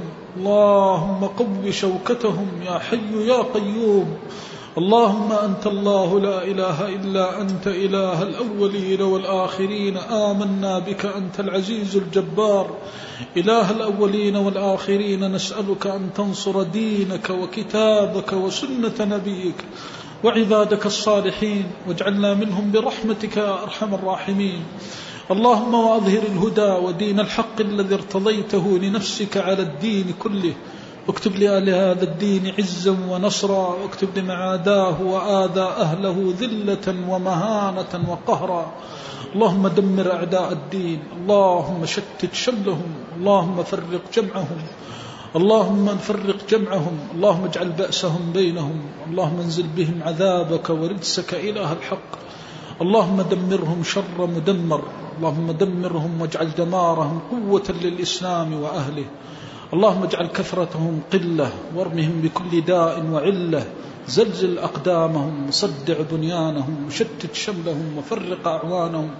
إله الحق لا إله إلا أنت. اللهم وفق ولاة أمورنا لما تحب وترضى وخذ بنواصيهم لكل بر وتقوى. اللهم انصر بهم دينك وأعل بهم كلمتك وانشر بهم رحمتك يا أرحم الراحمين.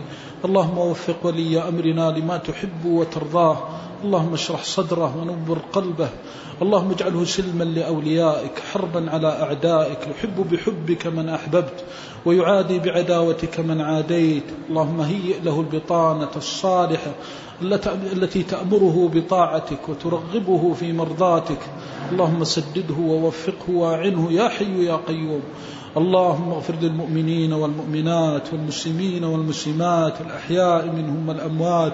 اللهم فرج هم المهمومين ونفس الكرب عن المكروبين. واشف مرضانا ومرضى المسلمين وارحم موتانا وموتاهم أجمعين. اللهم اهدنا ولا تضلنا وارحمنا ولا تعذبنا وسامحنا ولا تؤاخذنا وزدنا ولا تنقصنا وأعطنا ولا تحرمنا وآثرنا ولا تؤثر علينا وأرضنا وردنا وارض عنا يا حي يا قيوم. اللهم اجعلنا ممن صام الشهر واستكمل الأجر وأدرك ليلة القدر. اللهم اجعلنا من أسعد عبادك في كل خير نشرته. وفي كل بر أنزلته. اللهم اجعلنا أسعد عبادك بمغفرتك. اللهم اجعلنا أسعد عبادك وأفوزهم برحمتك. اللهم لا تحل بيننا وبين رحمتك وبرك وإحسانك وحلمك بما كان وسلف من ذنوبنا وتقصيرنا. اللهم إنا نستغفرك إنك كنت غفارا. اللهم إنا نستغفرك من ذنوبنا ونعوذ بعزتك وعظمتك أن تحول بيننا وبينك يا رب العالمين. اللهم اجبر كسرنا واغفر ذنبنا واستر عيبنا واستر عيبنا واستر عيبنا وفرج كربنا ونفس همنا وغمنا. يا إله الأولين والآخرين. اللهم إنا نسألك لإخواننا في باكستان وغيرها من بلاد المسلمين أن ترحم ضعفهم وأن تجبر كسرهم. اللهم أغث إخواننا في باكستان وأغث إخواننا في مشارق الأرض ومغاربها يا رحمن. اللهم إنا نضرع إليك أن ترحم ضعفهم. اللهم ارحم المعذبين. اللهم ارحم المعذبين وأطعم الجائعين. اللهم أطعم الجائعين اللهم اكفيهم هم الدنيا والدين اللهم إنهم جياع فأطعمهم اللهم إن إخواننا جياع فأطعمهم اللهم إنهم عراة فاكسهم وإنهم خائفون فأمنهم وإنهم مشردون ضائعون فآوهم. اللهم اجعل ما أصابهم رفعة للدرجات وغفرانا للسيئات واعطف عليهم قلوب المؤمنين والمؤمنات. اللهم ارحم ضعفهم واجبر كسرنا وكسرهم وتول أمرنا وأمرهم يا أرحم الراحمين. نستغيث بالله لإخواننا المؤمنين. نستجير بالله لإخواننا المؤمنين من هم الدنيا وعذابها وتكالب الأعداء. اللهم أغثنا وأغث إخواننا وارحمنا وارحم إخواننا. اللهم انصر الإسلام وأهله وأعز الإسلام وأهله واغنهم من واسع فضلك يا رب العالمين. اللهم اغنهم من واسع فضلك يا أرحم الراحمين. اللهم اجعلنا من أسعد عبادك في رحمتك وبرك وعفوك وكرامتك. يا أرحم الراحمين. اللهم اختم لنا شهر رمضان بالعفو والصفح والبر والغفران وجنبنا السعير والنيران وآمنا في أنفسنا في الأنفس والأهل والولدان. يا أرحم الراحمين ألطف بنا فيما يكون وما كان. واغفر لنا بمغفرتك يا حليم يا رحيم يا رحمن. رب اغفر وارحم وتجاوز عما تعلم إنك أنت الأعز الأكرم. اللهم اجعل علمنا وسيلة إليك اللهم اجعله وسيلة ترضيك عنا. واجعل ما تعلمناه وعلمناه خالصا لوجهك الكريم موجبا لرضوانك العظيم. اللهم إنا نسألك علما يقربنا إليك ونسألك علما يدلنا عليك ونسألك أن تجيرنا من الفتن والمحن وزيغ القلوب وطمس البصائر. اللهم إنا نعوذ بوجهك من طمس البصائر وزيغ القلوب. آمنا برحمتك وثبتنا على الصراط حتى نلقاك وأنت راض عنا غير مبدلين ولا خزايا ولا نادبين برحمتك يا أرحم الراحمين. اللهم اغفر لعلماء الإسلام والمسلمين. اللهم اغفر لأمواتهم وارحمهم. واجزم عنا وعن الإسلام خير ما جزيت عالما عن علمه وشيخا عمن علمه. يا أرحم الراحمين نور قبورهم. اللهم نور على أئمة الإسلام ودواوين العلم والعمل وأئمة الهدى. نور عليهم قبورهم وارفع درجاتهم واجزهم عنا خير الجزاء. اللهم ارزقنا حسن التأسي بهم فيما يرضيك عنا وعنهم يا رب العالمين. اللهم إنا نعوذ بك من الهوى والردى واعصمنا يا من جل وعلا. وخذ بناصيتنا لكل بر وتقوى. رب اغفر وارحم وتجاوز عما تعلم. إنك أنت الأعز الأكرم. اللهم لك الحمد على نعمتك ولك الحمد على فضلك ولك الحمد على كرمك. هذا من فضل ربنا الحمد لله الذي هدانا لهذا وما كنا لنهتدي لولا أن هدانا الله. لقد جاءت رسل ربنا بالحق سبحان ربك رب العزة عما يصفون وسلام على المرسلين والحمد لله رب العالمين.